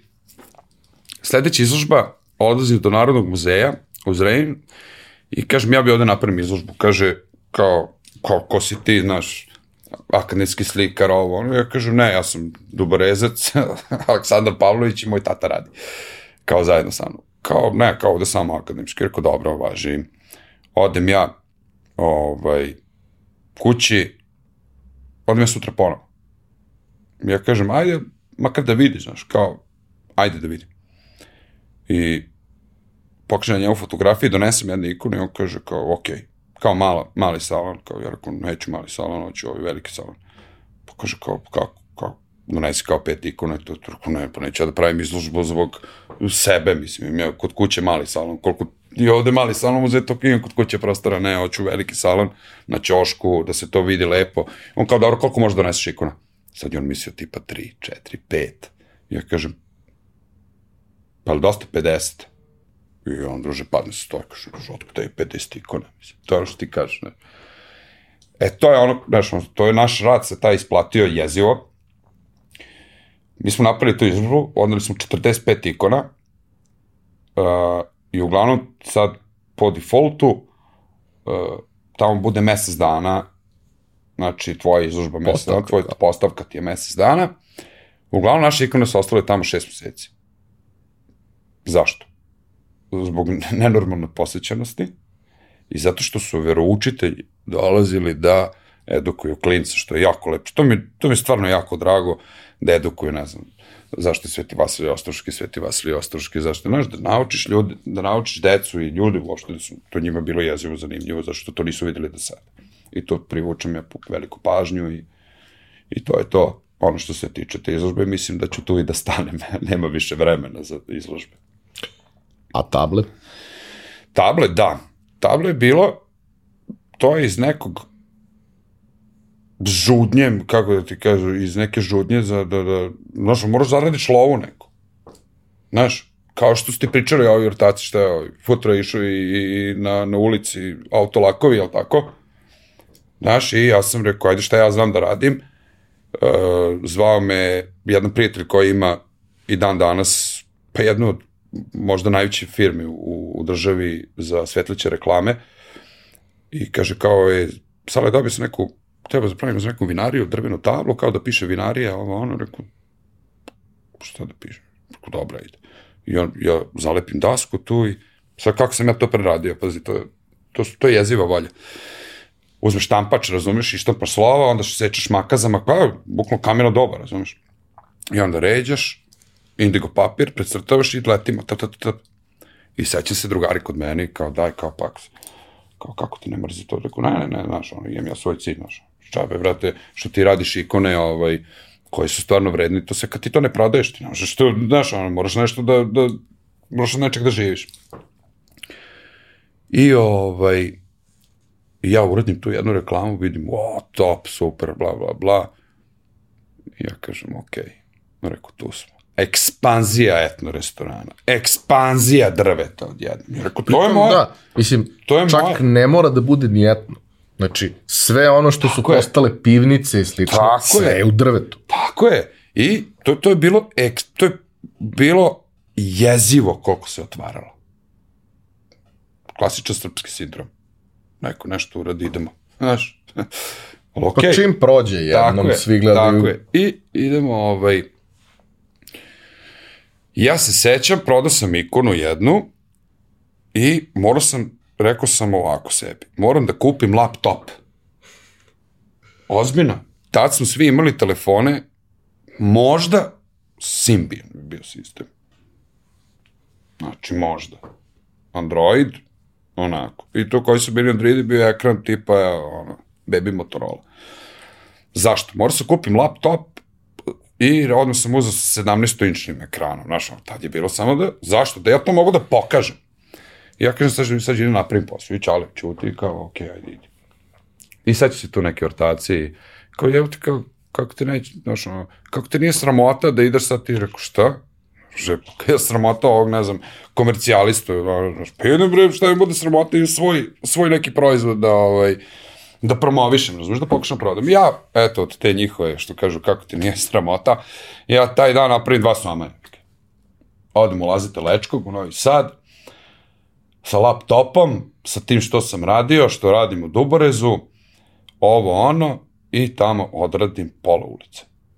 Dođemo u Zrenjanin, nazad, e, mislim, to je ono tipa posle dve nedelje, pošto sam ja radio jezivo brzo, to je nešto ono, ja treba da radim slova, bato, ja sam radio, ne znam, ne znam koliko ikona sam uradio, meni sad to, meni to smejurija, mislim, znaš, ono, iskreno. I ovaj, i onda sam odradio, ne znam, drugaru, koji sad ima kraft pivaru, ovaj, Joks iz Rejna, znaš, kome je reč, uradio sam u ceo pub. Znam i pap. Da, i evo uradim tu 40 stolova. I tu kreće, ne znam, štekam lovu, kupujem prvi CNC. Ovaj, to mi skrati put i jeziv. Znači, ono, sve te ono, fizikalije, što ja kažem, uradim i CNC, nema više indiga papira, nema više. Zašto? Da, Za, slova i zbog čega? seča, mislim. ne, šta? znaš, zbog čega? Nema, nema razlog. Niko ti neće platiti reklamu sada četiri puta skuplje zato što je to ručno rađao. Što njega briga, ono će da vidi kako to izgleda. Ćao. I ovaj, i ja tu uzem CNC, skupim neku lovu. Naravno, ja preko tih reklama krećem niko ne da prodajem više. Tačno ja vidim, ja vidim ja šta čoveka interesa, znaš, da li, da li on, ja kažem, aj pogledaj šta ja ovo radim, ovo je gotovo. I tako da, ovaj, to je to ti neki put koji koje te reklame su mi donale u stvari ozbiljno, ozbiljnu školu što se tiče marketinga i odnosa sa ljudima, pored kod kuće što sam imao. Ne, mislim, sećam se baš ekspanzije u tom periodu i posebno to što, ok, etno restorani imaju neku svoju priču. Da. I vrlo često, mislim, nije baš bilo toliko često da ti sad imaš kompletno novi interijer. To su uglavnom bili restorani koji su imali neki interijer, pa nešto urade, neki detalj, nešto.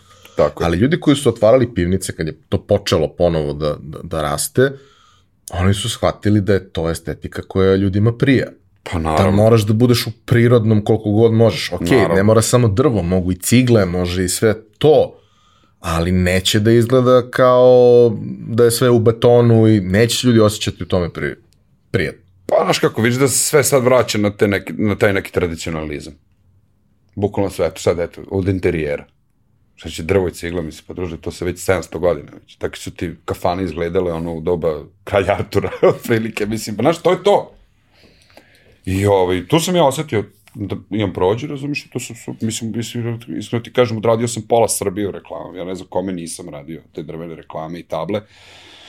I ovaj, Sećam se ja i nekog namešta, nekih Da. lepih stvari koje si pravio tu. Da, da, da, da, bio je jedan izazov, ali znaš šta, ovaj, sve to što izgleda lepo i što je jako zanimljivo ne znači da će se zaraditi puno para od toga. Naravno. Znaš, ali okej, to je boj, bila neka moja lična satisfakcija, ajde da, ovaj, si vidio one kaseta 100 što sam radio, to je, da. Pa to me zvao, ovaj, znaš ko me to zvao, bre? Pevač benda, samostalni referenti. Da. On me zvao i kao, je, kao, je, možeš da uradiš kao sto u obliku audio kasete. Kao je, znaš uopšte šta je to? I ono pomislio sebi, ne, brate, ti znaš šta je audio kaseta. Ne, ne, kada... I, ovaj, i rekao, dobro, ajde, mogu. Druže, kako, sve to, pravo. I ništa, dolazim ja, ono, gledam, upac, upalim naravno YouTube, mislim, čemu pričamo, ljudi uče sve preko YouTube-a, upalim, vidim, aha, dobro, dobro, dobro, I ja napravim taj sto, sada ti ne dužim, i uglavnom taj sto, uh, izbaci ga stranica na fejsu, uh, The Different Type of Art se zove, ja mislim, koja ima nenormalno mnogo pratilaca, i uglavnom taj moj sto ima preko 10.000 šerova. Nešto nenormalno lajkova, zato što ga je druga okačio na onaj board panda. Ne, ne, ne znam ni šta je to, zašto ga je on fotkao. I ovi to, druže, kreće, ne znam, samo pitanja, pitanja, pitanja. Na kraju sam radio te stolovi za Tajland. Znači, bukvalno slao poštu, znaš. Ne znam. Tako da, ali da, zanimljiv proizvod, jako. Zanimljiv i, ono, eto, ispunio sam neku, neki cilj. E sad, to su sve, da kažemo, kabasti proizvod. Aha. Kako si došao do, do maskice? Jer zapravo ja sam do tebe došao preko maskice. Da. To sam video, to je bilo masovno. Da. I kao, ajde vidimo, video sam da, kad sam otišao na stranicu, video sam da radiš i sve ostalo. Ali to mi je privuklo pažu, jer je bilo masovno i jer je bilo personalizovano. Bilo je personalizovano, bilo je masovno i bilo je najzanimljivije mlađoj nekoj generaciji koja koristi net. Što je jako bitno. E, kako sam došao do maskica? Pa, ja sam provalio neke amere tipa 2008. Ovaj, ja sam non stop gledao te lasere i to sve. I smo mi pravili drvene naučare prvi u državi, jel, prej. Da, da, Znaš zašto se zove prej? Prej. ne znam. Nije ti to nikad rekao, jel? Prej, zato što sam ja radio ovaj, molitvene ruke non stop i taj znak, u stvari prej, je bio kao molitvene ruke i kao molitva. Na kraju smo iskontali da je Pavlović, Radovanov, Aleksandar i Ilija. ne. I mi smo napravili taj brand i ovaj, ja non stop tu gledaš lasere, ovo, ono, gledam te amere i kao, čoče, ja kupio laser, sad će se skupio lovu, ono, kupio odmah taj laser i izašao iz tog preja, zato što je bio jako čudan tu koncept, kako da ti kažem, taj početak je bio veoma zanimljiv. Mi dok smo napravili te prve naočare, to je bio proces od godinu dana, ajde, možda nije godinu dana, Ali, imaš taj moment da praviš jako čudan, tanak, trodimenzionalni objekat od presovanog furnira. Pa dobro, znaš šta, vidi, dok smo mi to sve istražili, kako smo mi to u stvari, mi smo došli na tu ideju, sedeli smo jedan dan bukvalno u kafiću, ja sam kupovao neke naočare od našeg zajedničkog drugara i kaže, ite, vidio sam neke drvene naočare. Kakve drvene naočare? Si vidio? I mi videli, ne znam, švud. Kažem, koliko to košta? 250 evra. Ja kažem, šta? Rekao, dede, vidim, kada ću mi to da napravimo. I ja ono kao bio sam u fazonu, kao napravimo za dva dana, druže. Kad smo mi videli šta je to. Mi smo to stvarno napravili i to je stvarno izgledalo brutalno. Ali, tu imaš jedan moment. Imaš moment kad trebaš da odlučiš da li ćeš da budeš proizvođač unikata ili ćeš da budeš masovna proizvodnja. Znači, ti ne možeš jednostavno fizički da stigneš da radiš te naočare tako. Znači, zato što on ti je objašnjavao, uh, optika traži ovo, distributer ovo, kaže na kraju ti dođe, ti od tih naočara šta zaradiš 10 evra. Pa neću to da radim. Ja to izađem iz toga i vidim šta sve te laser može i kažem ti, vidio sam i kod tih ovaj, mojih prijatelja što već rade reklame, ja sam te laser već kupio, a reku neću da pravim, znaš, ono drvene naočare, radim moju ortaciju, ok, evo vam posao, radite, nastavite, o, ja ću nešto drugo. Ja već radim, nisam teo, opet ti kažem, nisam teo da zapostavim primarno, ono, znaš, ikone, moram, moram, jer sam znao da će jednog dana doći do toga da to bude ovo što je danas. I, uh, kažem ti, gledam te amere sa ortakom, rekao, daj da probam ovo, onaj nacrta mi par skica, znaš, kao leđa. Pa sam preradio sam skinove, znaš. Da, da, kao, Da, da, da. kao foliju od Kao furnira. folija od furnira. I on mi duže nacrta, ja stavim na moj telefon, vidim brutalno. I ja, još čekaj, ja, sad će neko da mi naruči čoveče, da mu piše, ne znam, Ivan. I naruči mi da piše Ivan. Lupa. I to ja prodam odmah. Tap, dolazim do ideje, drvene maske, super. Šta je fora? Personalizovana, drugačije, jeftino. Masovno. Masovno. Ćao. Ja kroz taj proizvod, drvene maske, počinjem da probijem ostale proizvode. I jako je bitan moment da budeš prvi u nečemu. Znači, ja sam u državi to počeo prvi da radim. Mi smo u državi počeli prvi da radimo naočare drvene. Posle su se pojavili ne znam koliko. Mi smo do tad prodali, ne znam, 500 komada, 1000, dok se nisu pojavili drugi. Šta sam naučio od tih naočara i uopšte, pojavio se tad Instagram, tad je Instagram bio onako, tu sam, ali znaš, još ga ne kapiraju svi, kao Twitter i dan danas. E. I ovaj, moja drugarica Ivana Španović, ja sam s njom odrastao, išao s njom u osnovnu školu, pratio je na treninge, moj ortak, moj brat, znači sve. I ja je nazovem, kaže, slušaj, imam drvene naočare, e, aj molim te, čovječe, ima bre 200.000 ljudi na Instagramu, si normalno, bre, ajde okači mi sliku, bre. I kaže, ono, kao, ajde. Tako je bilo. I odemo mi u kafić i ako je, ti kaže, ono, kao, šta je ovo? Lepa devojka, lepe naočare. Da, nema dalje, čao, gotovo. I ovaj, i ona okači. I druže, ja doživim moment da nas petoro sedimo i odgovaramo na poruke pet dana, razumeš? Ja kažem, pa šta je ovo čoveče, kako, kako, je, kako je ovo moć? Tad su influenceri jezivo, znači imali ut, uticaj na, na biznis. Imaju i sad, ali sad je malo već drugačije. Tad je sve prezasićeno, tad je sve bilo Ne, organski. to je toliko no, organski, tako je. Kakav boost? O čemu pričaš? Znaš, nije bilo to. Ok, napravio mi to, dobio neki drugi ljudi, poznati, i to krene da puca na očare. Zašto se to pričao? Zbog mojih drvenih maskica. Ovaj, I ja to krenem da radim. I to, prvo šta sam uradio, uradio sam 150 komada za zranin džabe. Odmah. Odmah sam radio svim uh, kafićima, svim drugarima, samo da nose. Ko evo vam, brate, nosite, ja ću da šta, preživet ću, razumeš? I odradim ja to, javim se, e, može ovo, može ono, super, da.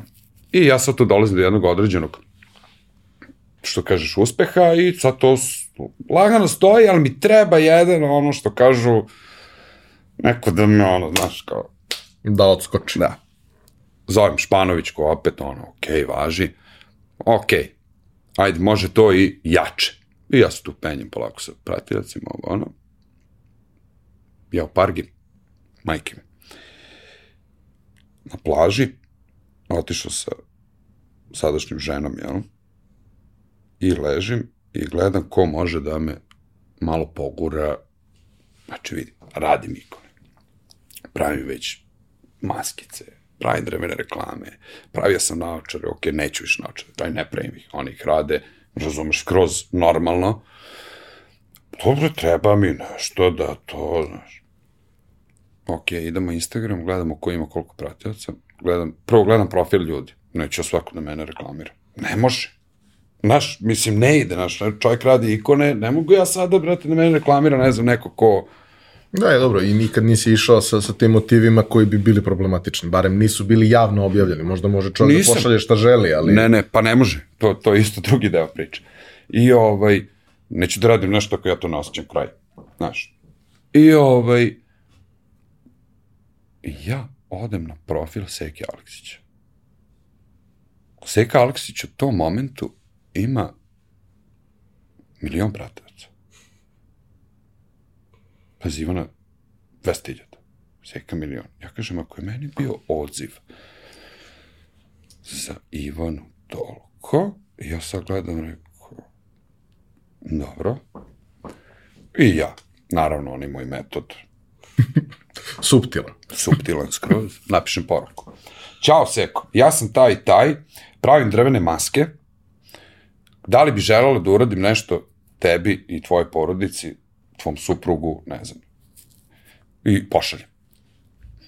I ja rekao, ok, ništa, poslao sam, probao sam, razumeš, znaš, i nikog drugog nisam, zašto? Gledao sam profil osobe koja misli stvarno da bi m- mojoj celoj, celokupnoj proizvodnji mog nekog, tog, ajde, brenda, kako da ti kažem, odgovarao. Seka je religiozan čovjek, Ti si porodičan shvatio da je čovjek. Seka carica mnogo pre svih ostalih. Da. Jer svi su to provalili u posljednjih šest meseci. Pa, to, mislim, pa sad ću ti pričam kakva je carica. Da. I, ovaj, ja tu na plaži, zezanje, sećam se ona parka, druže, nikad više, super lepo je to sve, brate, ono, stepenici, ja iz radnice, znaš, ono, kao ja sad Sve, treba da idem, ne idem, kraj, gotovo, ćao. Dođem u sobi, dođem u sobu, kola, pljuga, kafa, kaj da vidim, kakav internet. znaš, ovaj internet imaš u sobi i marš, znaš, nema. I stvari imao sam na plaži tad negde, sam klepio od nekog restorana, znaš. I ovaj, dolazim, vidim, jedna nova poruka sa Aleksić. Ej, super, strava, baš mi se sviđa, jel možeš ovo, jel možeš ono, jel možeš ovo da napišeš na maskici? Kao kad možeš da im pošalješ? Ja spuštam telefon, druže, ja četiri dana na moru, tad kažem, ja oni sutra idemo kući. Kaže on, pa ti nisi normalan, bre, kakva kuća, bre. Ja kažem, malo, brate. Ma šta me briga, bre, za ovu Grčku, za Pargu, idem, bre, zdravo, ende. Kaže, alo, bre, imaš plaćenu vinsku kartu, nemoj si, bre, indijanac, bre, sedi, bre, petak je, ne možeš da pošliš svako pre ponedjeljka, dobro.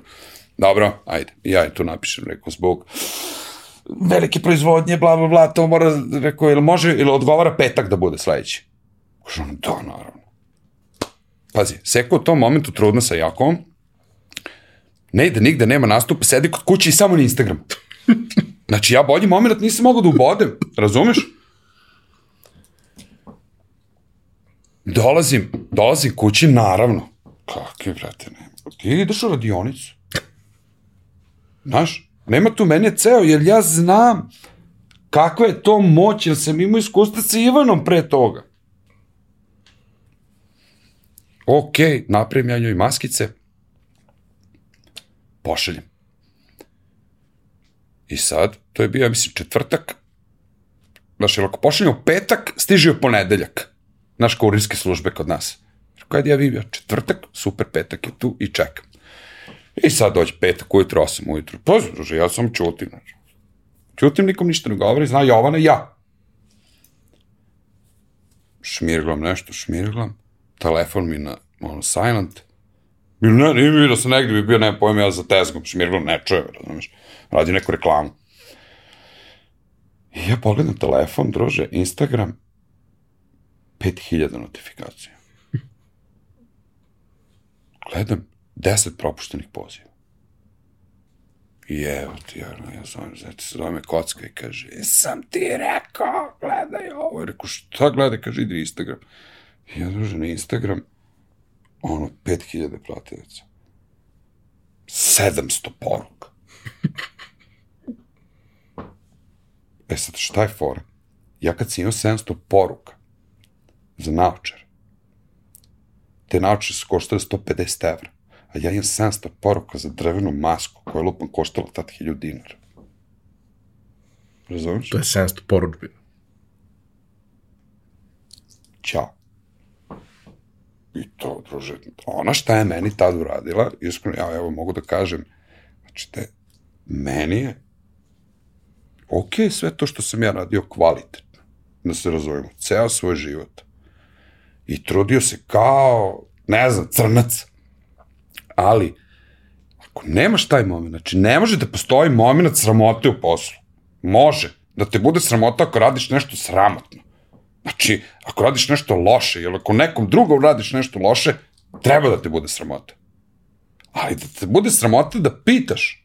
A da staneš ispred onoga To što si nema, napravio. bato, kako, se- kako kažu, kako se stvari kaže, pokud se navratio, otvorit ćete se. Ja da sam sedeo u toj pargi i da sam samo cevčio to pivo i pušio pljugu, ja ne bi došao do Seke Aleksića. Razum, mislim, znaš, Zato u, u, u, ne u ovom, uopšte u svakom poslu mozak ti je 24 sata u poslu. Nažalost je tako. Ili, brate, idi negde zaposli se to je to. Isključi mozak posle tri, e, ende. I, jo, I ona mene tako. I uglavnom šta? Kako kreće naša priča? Naša pri, priča kreće tako što je ona proučila od mene te maskice i e, zvala me i kao, i kao ti se baviš drvetom, ovo ono, zvala me, znaš, gledam dobro, kao, me, kao da je neka polica, pa ona nema, ona nije gledala baš profil puno da ja vidim da ja radim ikone kakve radim ovo, ono, a ja sam nju baš zbog toga izabrao stvari, razumeš, znaš. I, ovaj, da li baš neku policu za knjige, ono, ja to njoj uradim i od, I rekao, kako se, znaš, ono, čovječe, vidjet ću dete, ono, porodila se, znaš, prvi put mora nešto da, ne, sad ne se pare. Mislim, znaš, daj budi nešto originalno. Da, znaš, i ja, ovaj, ja napravim baby gym od drveta. Znaš šta je to? Aha. I to stvarno izgleda slatko, lepo, obojim sa ono pastelnim bojama, napravim neke figurice, ne znam, slonove, nosoroge, ovo, ono, uzem neke igračke plišane, ja to okačim i to je top. Ja uglavnom nosim ono sad veljko, ja nosim onu policu, produženu policu, 80 kila, ja ne znam da pravim, znaš, ono, i ne znam, poslala mi sliku policu diverice koja se savila ovako od knjige, razumeš? Ja, druže, okej, okay, važi dvocelovna daska, ja to ne možeš da saviš, znaš, ono. I, ovaj, I nosim ono ja sad policu, ja uzmem taj baby i odnesem i odnesem nove maske. I, i ona, ok, polica važi, kad je ona videla baby, jao, dođi da te ljubim, ja, pazi, druže, četiri daske, razumeš? E to je ona fora, kad kažem, koliko god da imaš, koliko god da si uspešan, ako izgubiš tu notu normalnosti o sebi, ti si bato gotov, tebe nema više. Znaš, e, ona je ostala normalna. Ona nikad nije zaboravila ko je bila pre Seke Aleksić, kako ti kažem, pre tog njenog uspeha. Ona se tako ponaša i dan danas kao što se ponaša. Oni ima iste prijatelje. Znaš, ona je u stvari jedan car. I, ovaj, ona taj baby Jane vidi super, bla, bla, bla, i ona mene pitala kao da li možeš da mi napraviš maskicu kakvi su ti misli, takav ti je život, ali te stade. Ja kažem, da. I ja je napravim i to odnesem. I ona uglavnom okači tu maskicu, ta maskica duže doživi, ne znam, 5000 šerova. Znaš, i tu ja u stvari skontam da ja da to meni u stvari, to je to, znaš. ti si, znaš, ono, ja sam religiozan čovjek, ne kažem da sam pobožni, ja sam religiozan. Znači, to su dve različite stvari skroz. Znači, praviš ikone, radiš to kako treba, praviš maskice. Meni je sada, na primjer, od 100% maskice, ja to i dan danas radim, i to, hvala ti Bože, dosta, posle 8 godina, ali meni je od ljudi od 100% maskica 95% verske. Dobro, naši ljudi to zaista vole. Tako je, to je moje što kažu niša. Znaš, znaš kažu kao ta, to je to, gotovo. Znaš, voli, voli, bit ćeš voljen. I ja sam video da tu ima, mislim kako ti kažem, ne da ima prolaz, nego ja stvarno volim to što, i volim što radim te verske maske, čak sam i pitao sveštenika mog, ovaj, rekao, šta ti misliš o tome, je to nešto sad, znaš, ono da ne bude, znaš, sad ja radim nešto što, kao samo da prodam, nisam u tom fazonu uopšte. Kao ne, kao, čoveče, pa ti radiš ekstra stvar, ti još više širiš tu našu. Mislim, u fazonu kao naši ljudi će videti. No, te poruke su sve lepe. Te poruke su ozbiljne poruke. Znači, to su, da stvarno sedneš i da razmisliš kada pročitaš tako jedan citat patrijarha Pavla ili nekog svetog oca, razumeš, stvarno lepo, to nekad može da te povede kroz, na ozbiljno razmišljanje, ne nekad, nego uvijek te povede na ozbiljno razmišljanje, a povedete na malo bolji put u životu. Tako da meni je to super i jako mi je drago što to radim. Prvo zbog sebe, a i drugo što se ljudima to sviđa. Ali sve te stvari, osim ikona, služe da u suštini da podrže tu priču, da ti možeš da se posvetiš tom. Sve ovo Tako ostalo je. su proizvodi koji su komercijalni, masovni ili yes. masovni, ali nisi ti zbog toga uzeo da se baviš drvetom. Ne, ja, ne. Tako je, ja sam uzeo da se bavim drvetom, prvo zašto drvo, ceo život me okružuje to drvo, ceo život se u mojoj kući sam proveo ono, u, u stolarskoj radionici i bio sam ono od, od metlaša što kažu pa pa nadalje, što mislim da je jako dobro, znaš, ovaj, pošto dosta ljudi danas, uh, znači, ja sam imao jednu situaciju kad sam bio klinac, imao sam 5 godina i sad čala, ne znam, 30 radnika i mi smo svi voleli da sedimo i da jedemo ono na tezgi, razumeš, naš pak papir se ono raširi, razumeš, i dođe klopa iz Kamela, iz Lole tada i to, iz tih restorana i mi sedimo i jedemo, bre. Znači, sa rad, kakvi radnici, to je familija. Sad, gledaj sad šta je, šta je tu bila fora i koji to, šta je to odrastanje. To je bilo, ja sam bio tada, imao sam pet godina i sedno, seo sam u Čaletovu stolicu, nešto i krenuo kao nešto se duo, znaš, ovo ono, pazi, pet godina. I kaže Čale meni kao šta radiš, znaš, kao šta glumiš. I ja kažem, pa ja sam gazda. Znaš, i on kaže, jel?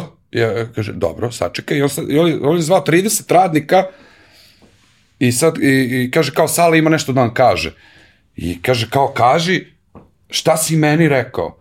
Pa kažeš, tata, rekao sam ti da sam ja gazda. I ja sad ono kao sreća, znaš, kao ja sam gazda. I on kaže, sine, izađi napolje, u ovu radionicu više nikad ne možeš da uđeš. Jer ovde možeš da uđeš samo ako si najveći radnik. I ako si najveći radnik, tad možeš da budeš gazda. A sve dok si Tako, ti se tripuješ da se neki gazda kapija napolje, neću da te vidim. To je za mene bila kazna jeziva. Ja sam posle molio narednih mesec dana da, ovaj, kako se zove, da mogu da uđem u tu radionicu samo da čistim.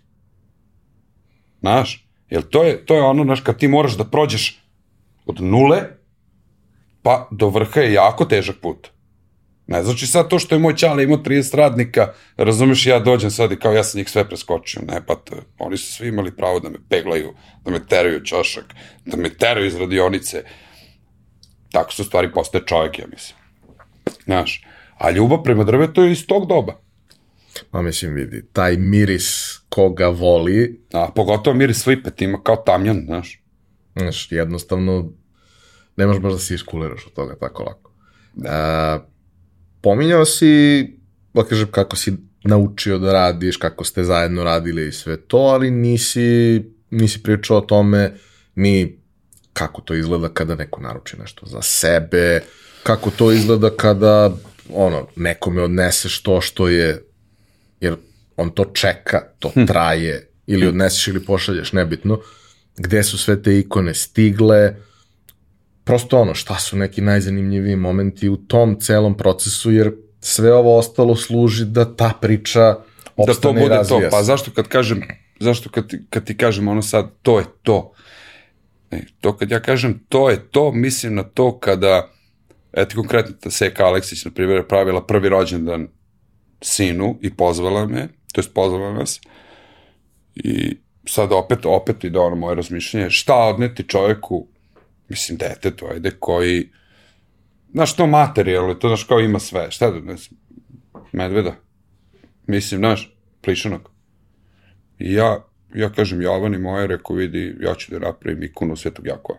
E sad, to ti je ta priča, šta ljudi, kako to. I ovaj, ja napravim ikonu Svetog Jakova, naručim da mi šivač, kako kaže, jel, pikac, e, da sašije od debelog pliša bordo, pošto to su ikone, znaš, ti imaš ti u pravoslavlju imaš par boja koje su, to ti zlatna, crvena, bordo, plava, ljubičasta, ćao. Ima tu više, ali to su u stvari te vizantijske boje.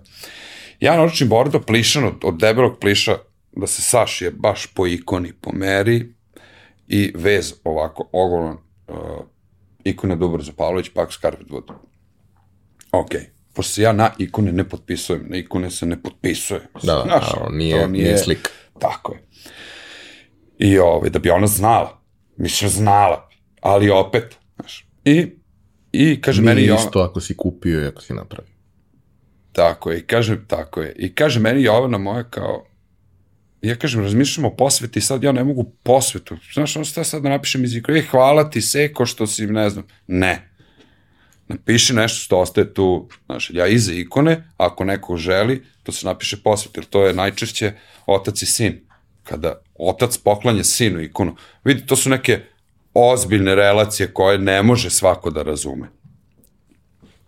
I, kaže meni ona kao, ej, nešto sam ja videla i sačuvala sam u novčaniku, ajde, pročitaj kao, šta misliš o ovoj posveti?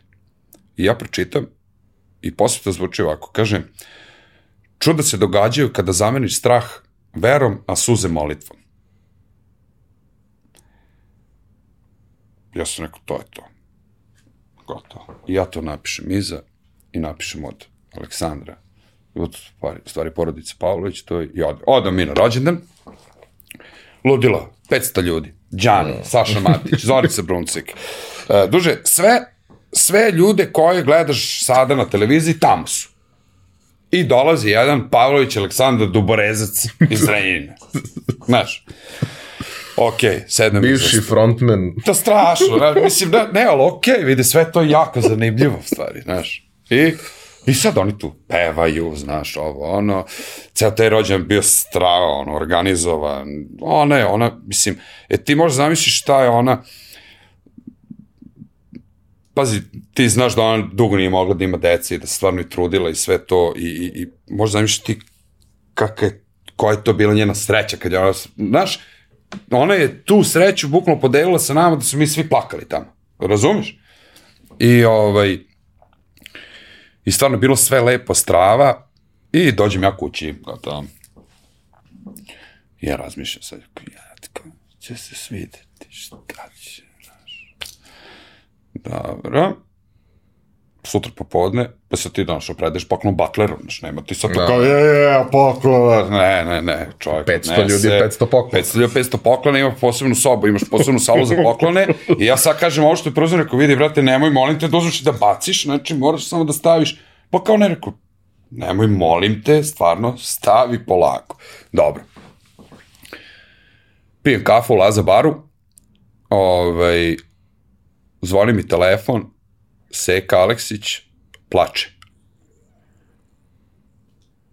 Ja rekao, brate, šta je, znaš, oni sad razmišljaju, nisu napravili nikakav haos, znaš, nisam, znaš, nisam se oždrao, nisam, znaš, šta je bilo? Kažem, ja, on šta je bilo? Kaže, ne. I sad ona plače, druže, ja sad ne možem, Ja kažem, pa dobro, šta je bilo, kaže mi, vi su se već tad združili haos.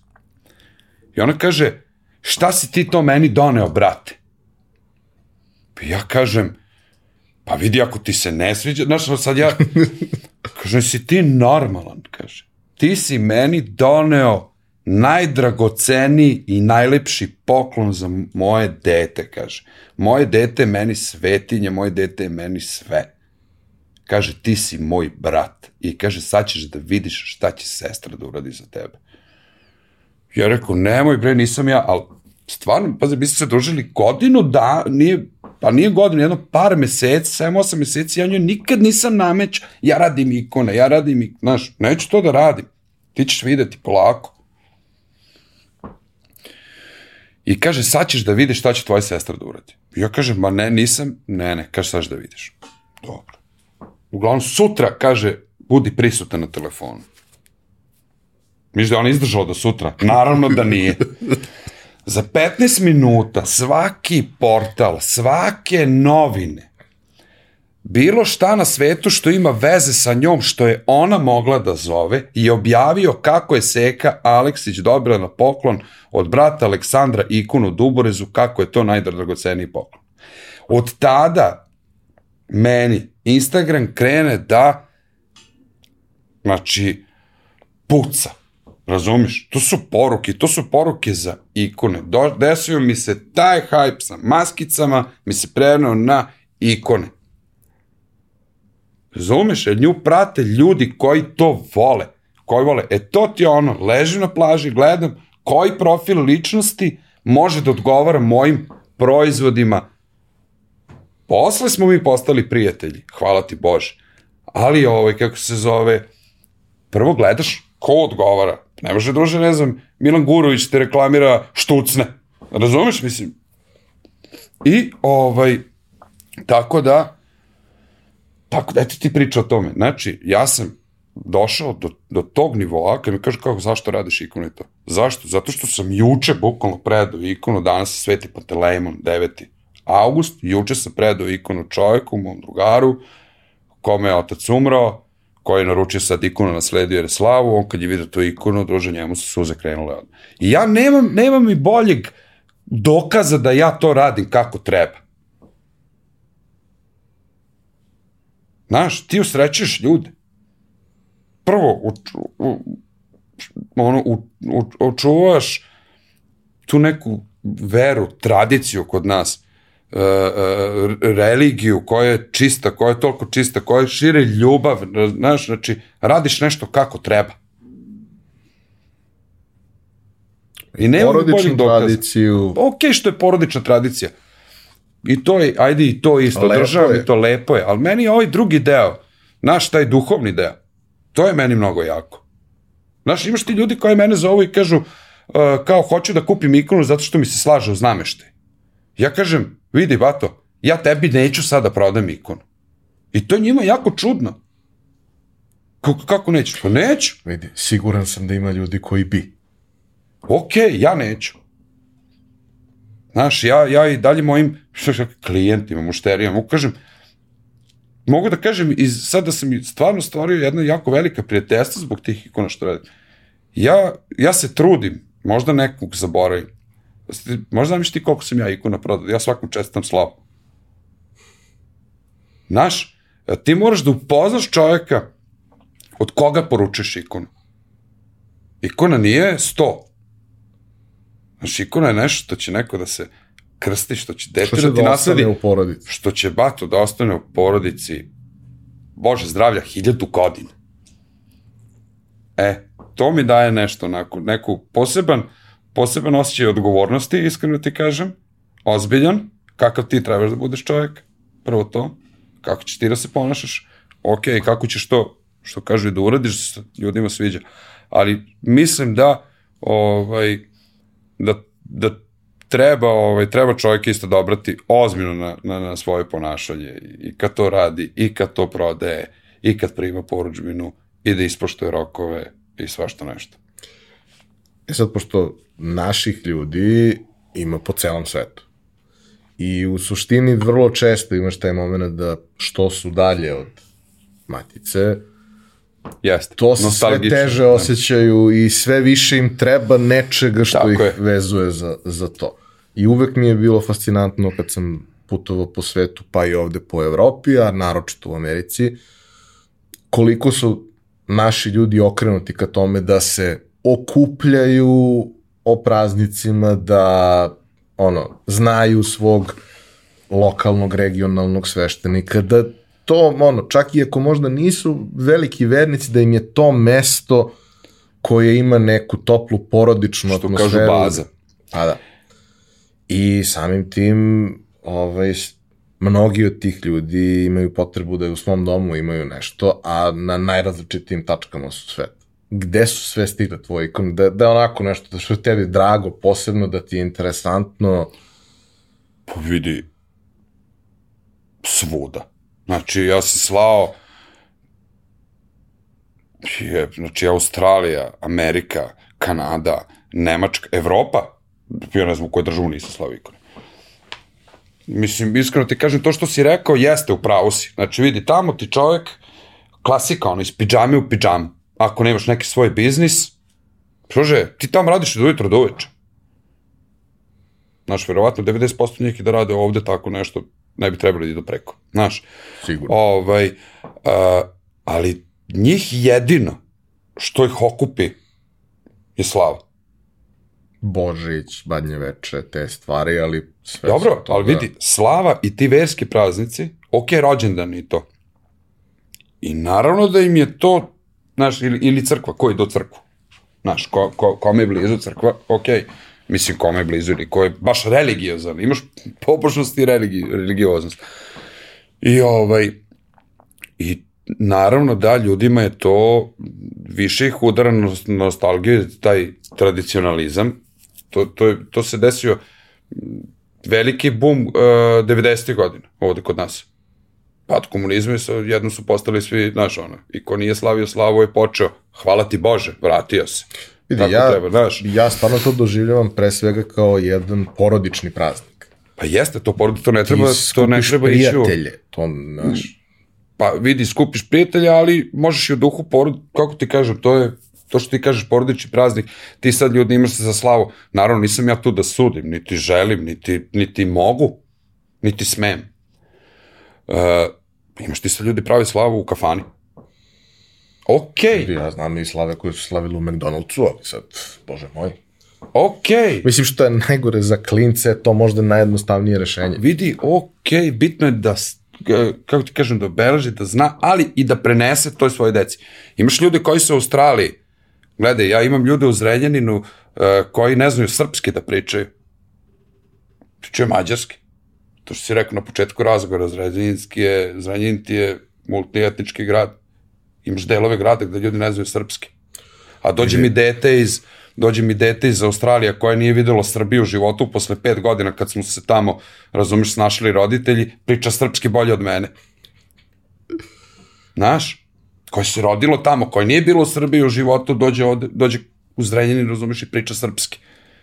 Znaš, kod nas ima u našem narodu to ta, tra, ta tradicija koja se poštuje i to je jako dobro, znaš, meni.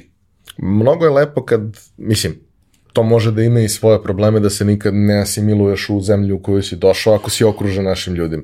Ali je lepo kad imaš lokalnu zajednicu da možeš da To skupiš tu decu. Jeste, da možda skupiš da ih učiš tim nekim, ajde, što kažu i lepo je da odu i do crkve, razumeš da... To su neke porodične vrednosti, tamo te uče lepim stvarima, znaš. Služio sam ja dosta i moji prijatelji po Kanadi, po Americi, naravno taj cijel kraj, kraj oko Čikaga, ima sam- nas jako sad- Ali, znaš, ono, i u Kanadi ima nekoliko mesta gradova gde ima dosta naših ljudi, gde Kako imaš ne? to, našu školu, sve ostalo, Australija, Novi Zeland isto, malo je, mislim, Novi Zeland naročito, ali imaš nešto. Nije sam da, tamo da nema niko. Da. Ovaj, a sa druge strane imaš i te situacije gde prosto ono, u nekom mestu u krugu od 500 km nema ništa i onda to Pa ne, na šta je postalo par danas? puta godišnje Znaš se šta je nažalost postalo danas? Da neki ljudi, ovaj, kako se zove, neki Srbi, kažem, koji žive u Srbiji, se trude da budu uh, uh, uh, Ameri, a, a Srbi koji žive u Americi se busaju da su ono što, što se ponašaju u stvari kako treba da se ponašaju u Srbiji. Znaš, nažalost je tako. No, ima nas razni. Da. E, ti si više od 20 godina u ovome što radiš. Da, imam 35, jel? To je dosta. Da. Um, ako postoji neko, bez obzira na godine, obično kažem ako ima neko mlad, ali ne mora da bude mlad, nije uopšte važno, ko razmišlja o tome da nešto krene da radi tog tipa, šta bi mu posavetovao? Ne u smislu, mislim, ok, oko posla, pričao si kako je to kod tebe išlo, tu ima mnogo lekcija koje mogu i sami da primene, o čemu mogu da razmišljaju, nego prosto kako ti smatraš da bi oni trebali da se osjećaju i kako bi trebalo da mm, da naprave procenu da li je to za njih. Da naprave procenu da li je to za njih. Znaš, jer svako ima razne ideje, ali ovo o čemu smo pričali nije jednostavno, nije lako. To je težak posao, te moraš da budeš predan i posvećen i treba mnogo vremena da naučiš čak i ako imaš smisla i talent. Da, pa vidi, rad je tu presudan. Znaš, bilo je dosta ljudi ovaj, ovde kod tebe u emisiji, u stvari u ovom ep- epizodom podcastu kako, gde su, znači nema, vidi, bez muke nema šanse. Znači muka dalje, e, znači ako se ne potrudiš da u životu nešto stvarno, ako imaš neki cilj, moraš da grebeš, moraš da kopaš. Neće uvek sve ići bajno.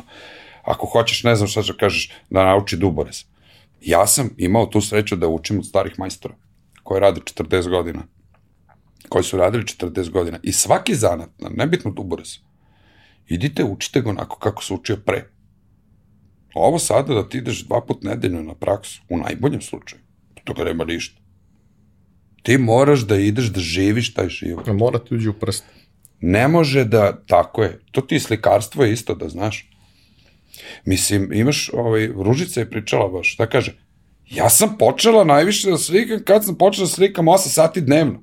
To je posao. To je to, to je posao. Ti ne možeš da, da, da, jedino ako si baš ono vanzemaljac. Ako si koji je, Nikola Jokić, ali ima jedan. Kako? Ako si Nikola Jokić, Pa ali ima jedan. znaš šta vidi, ovaj, znaš kad je meni, kad sam ja tako bio poludeo ovaj, na Ćaleta jednom i, i mi su se svađali, haos, mislim, ne, ne, to neka bajno bilo, naš priča, to ne, mi smo se gađali. Pa kad ste isti, to će da bude problem. I, ovaj, i, on, ja mu kažem, dobra, šta bre ti hoćeš bre više čoveče, daj mi jednog iz moje generacije koji radi, koji hoće, koji ovo, koji ono. Znaš šta bi rekao? Šta? Novak Đoković.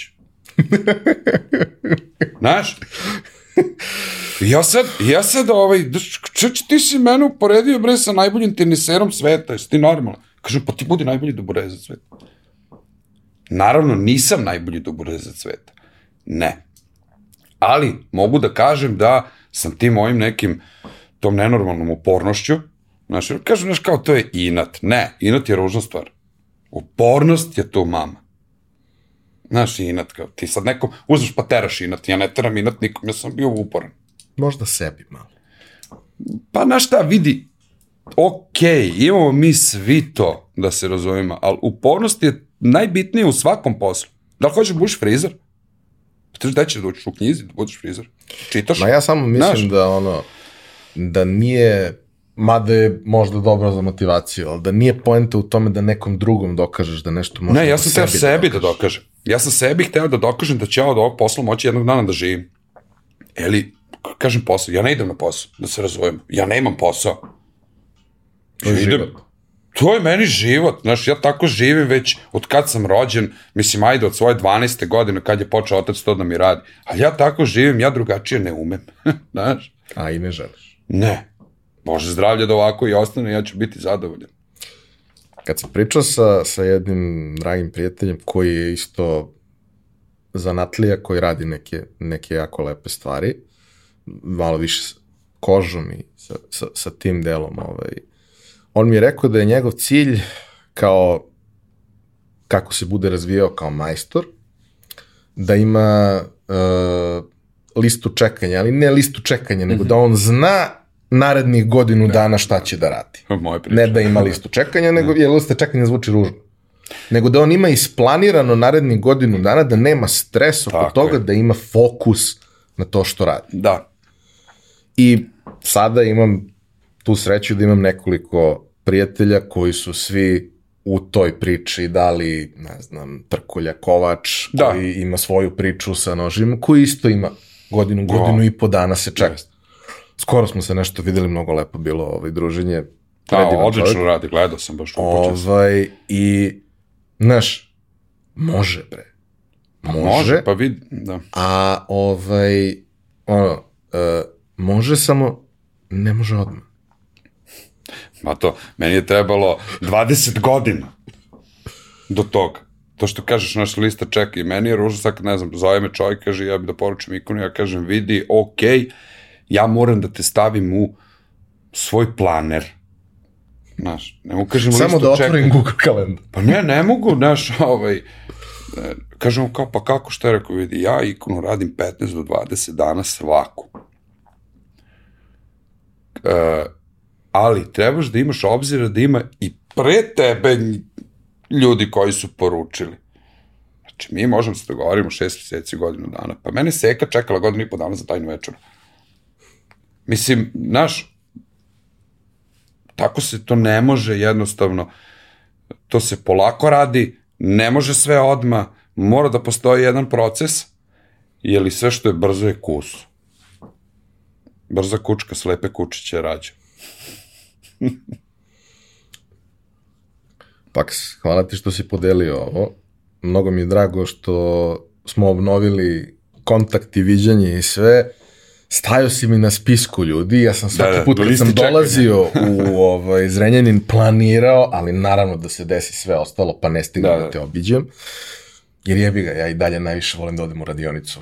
Ne, Sve ovo ostalo je super, znaš, ono kao, odemo, snimamo svašta nešto, ali kad dođeš u radionicu, to je, to je prava stvar. Ove, tako da neki naredni put obavezno svraćam, ali mnogo mi je drago što si, što si podelio ovu priču, zato što jebi ga, brate, ja sam IT-evac i sve to digitalno, sve to super. I mi smo vremenom postali sami sebi mnogo važni. A ne kapiramo da toliko važni koliko smo, uskoro nećemo imati šta da jedemo, neće imati ko da nam popravi bilo šta, jer jebi ga, mi znamo ono što znamo. I to je sad na ceni. Tako je. A ne shvatamo koliko je sve ono ostalo važno da bismo imali normalan život. Hvala tebi što si mi pozvao, prvo pre svega, i mislim da se me ranije pozvao da ne bi bilo ovakvog sada razgovora, zato što se sad nešto, jel, prošlo. Dobro. Svaki dan se nešto prolazi novo i neka nova iskustva i Tako da, ovaj, ali da, to što si rekao, sad da završimo sa tim, mislim da bi ljudi e, trebali samo da shvate da uče klince da nije sramota da budeš zanatlija, znaš? Jel neko treba da napravi što što ti kažeš ovu stolicu? Neko treba da napravi alat da se izlije ovaj mikrofon, sve što pričaš. Neko treba ovu čašu da napravi alat isto za izlivanje. A to su i ti IT-evci, nije problem nikako. Ne može svako da bude, danas svako hoće bude IT-evac. Znaš, uopšte nije loše da se deca bave zanatom, ali bi stvarno voleo, stvarno, da taj koji predaje taj zanat se postavi onako kao što se ljudi postavili pre 40 godina. Da svaki dan moraju da rade i naravno da bude jedno ili dva put nedeljno neka teorija. Ali tipa teorija da bude e, da ti možeš da naučiš kako posle taj proizvod da prodaš. Ok, da to bude ceo Tako biznis. je. Jel? Eto. Ovaj, znaš šta, ja sam jedan od onih ljudi koji, mm, mislim da sam to rekao par puta u podcastu, ali nije važno. Ovaj, moj dragi prijatelj i, i, i kolega Lazar Džamić, prvo uzor, a sada prijatelj i kolega, e, mi je udelio jedno od najveći, jedan od najvećih komplimenata u mom životu, kada mi je rekao majstor. Tako je. Zato što kada ti majstor kaže majstore, nema ništa dalje od toga. Imao si pre titul, kažu gospodin majstor. To se sad izgubilo, nažalost. Mislim da se vraća. Bože zdravlje, vidjet ćemo. Hvala ti još jednom, hvala vama što ste nas slušali, nadam se da vam je bilo interesantno. U svakom slučaju, siguran sam da ste neki od proizvoda o kojima smo ovde pričali viđali, da ste da. u nekim od njih uživali, da su bili u vašem okruženju, pa evo da znate kako izgleda priča iza toga, kako je to sve nastalo. Hvala vam još jednom, sve komentare, sugestije, imate za to polje za komentare na YouTube-u, to bi bilo to. Mi se vidimo ponovo naredne nedelje.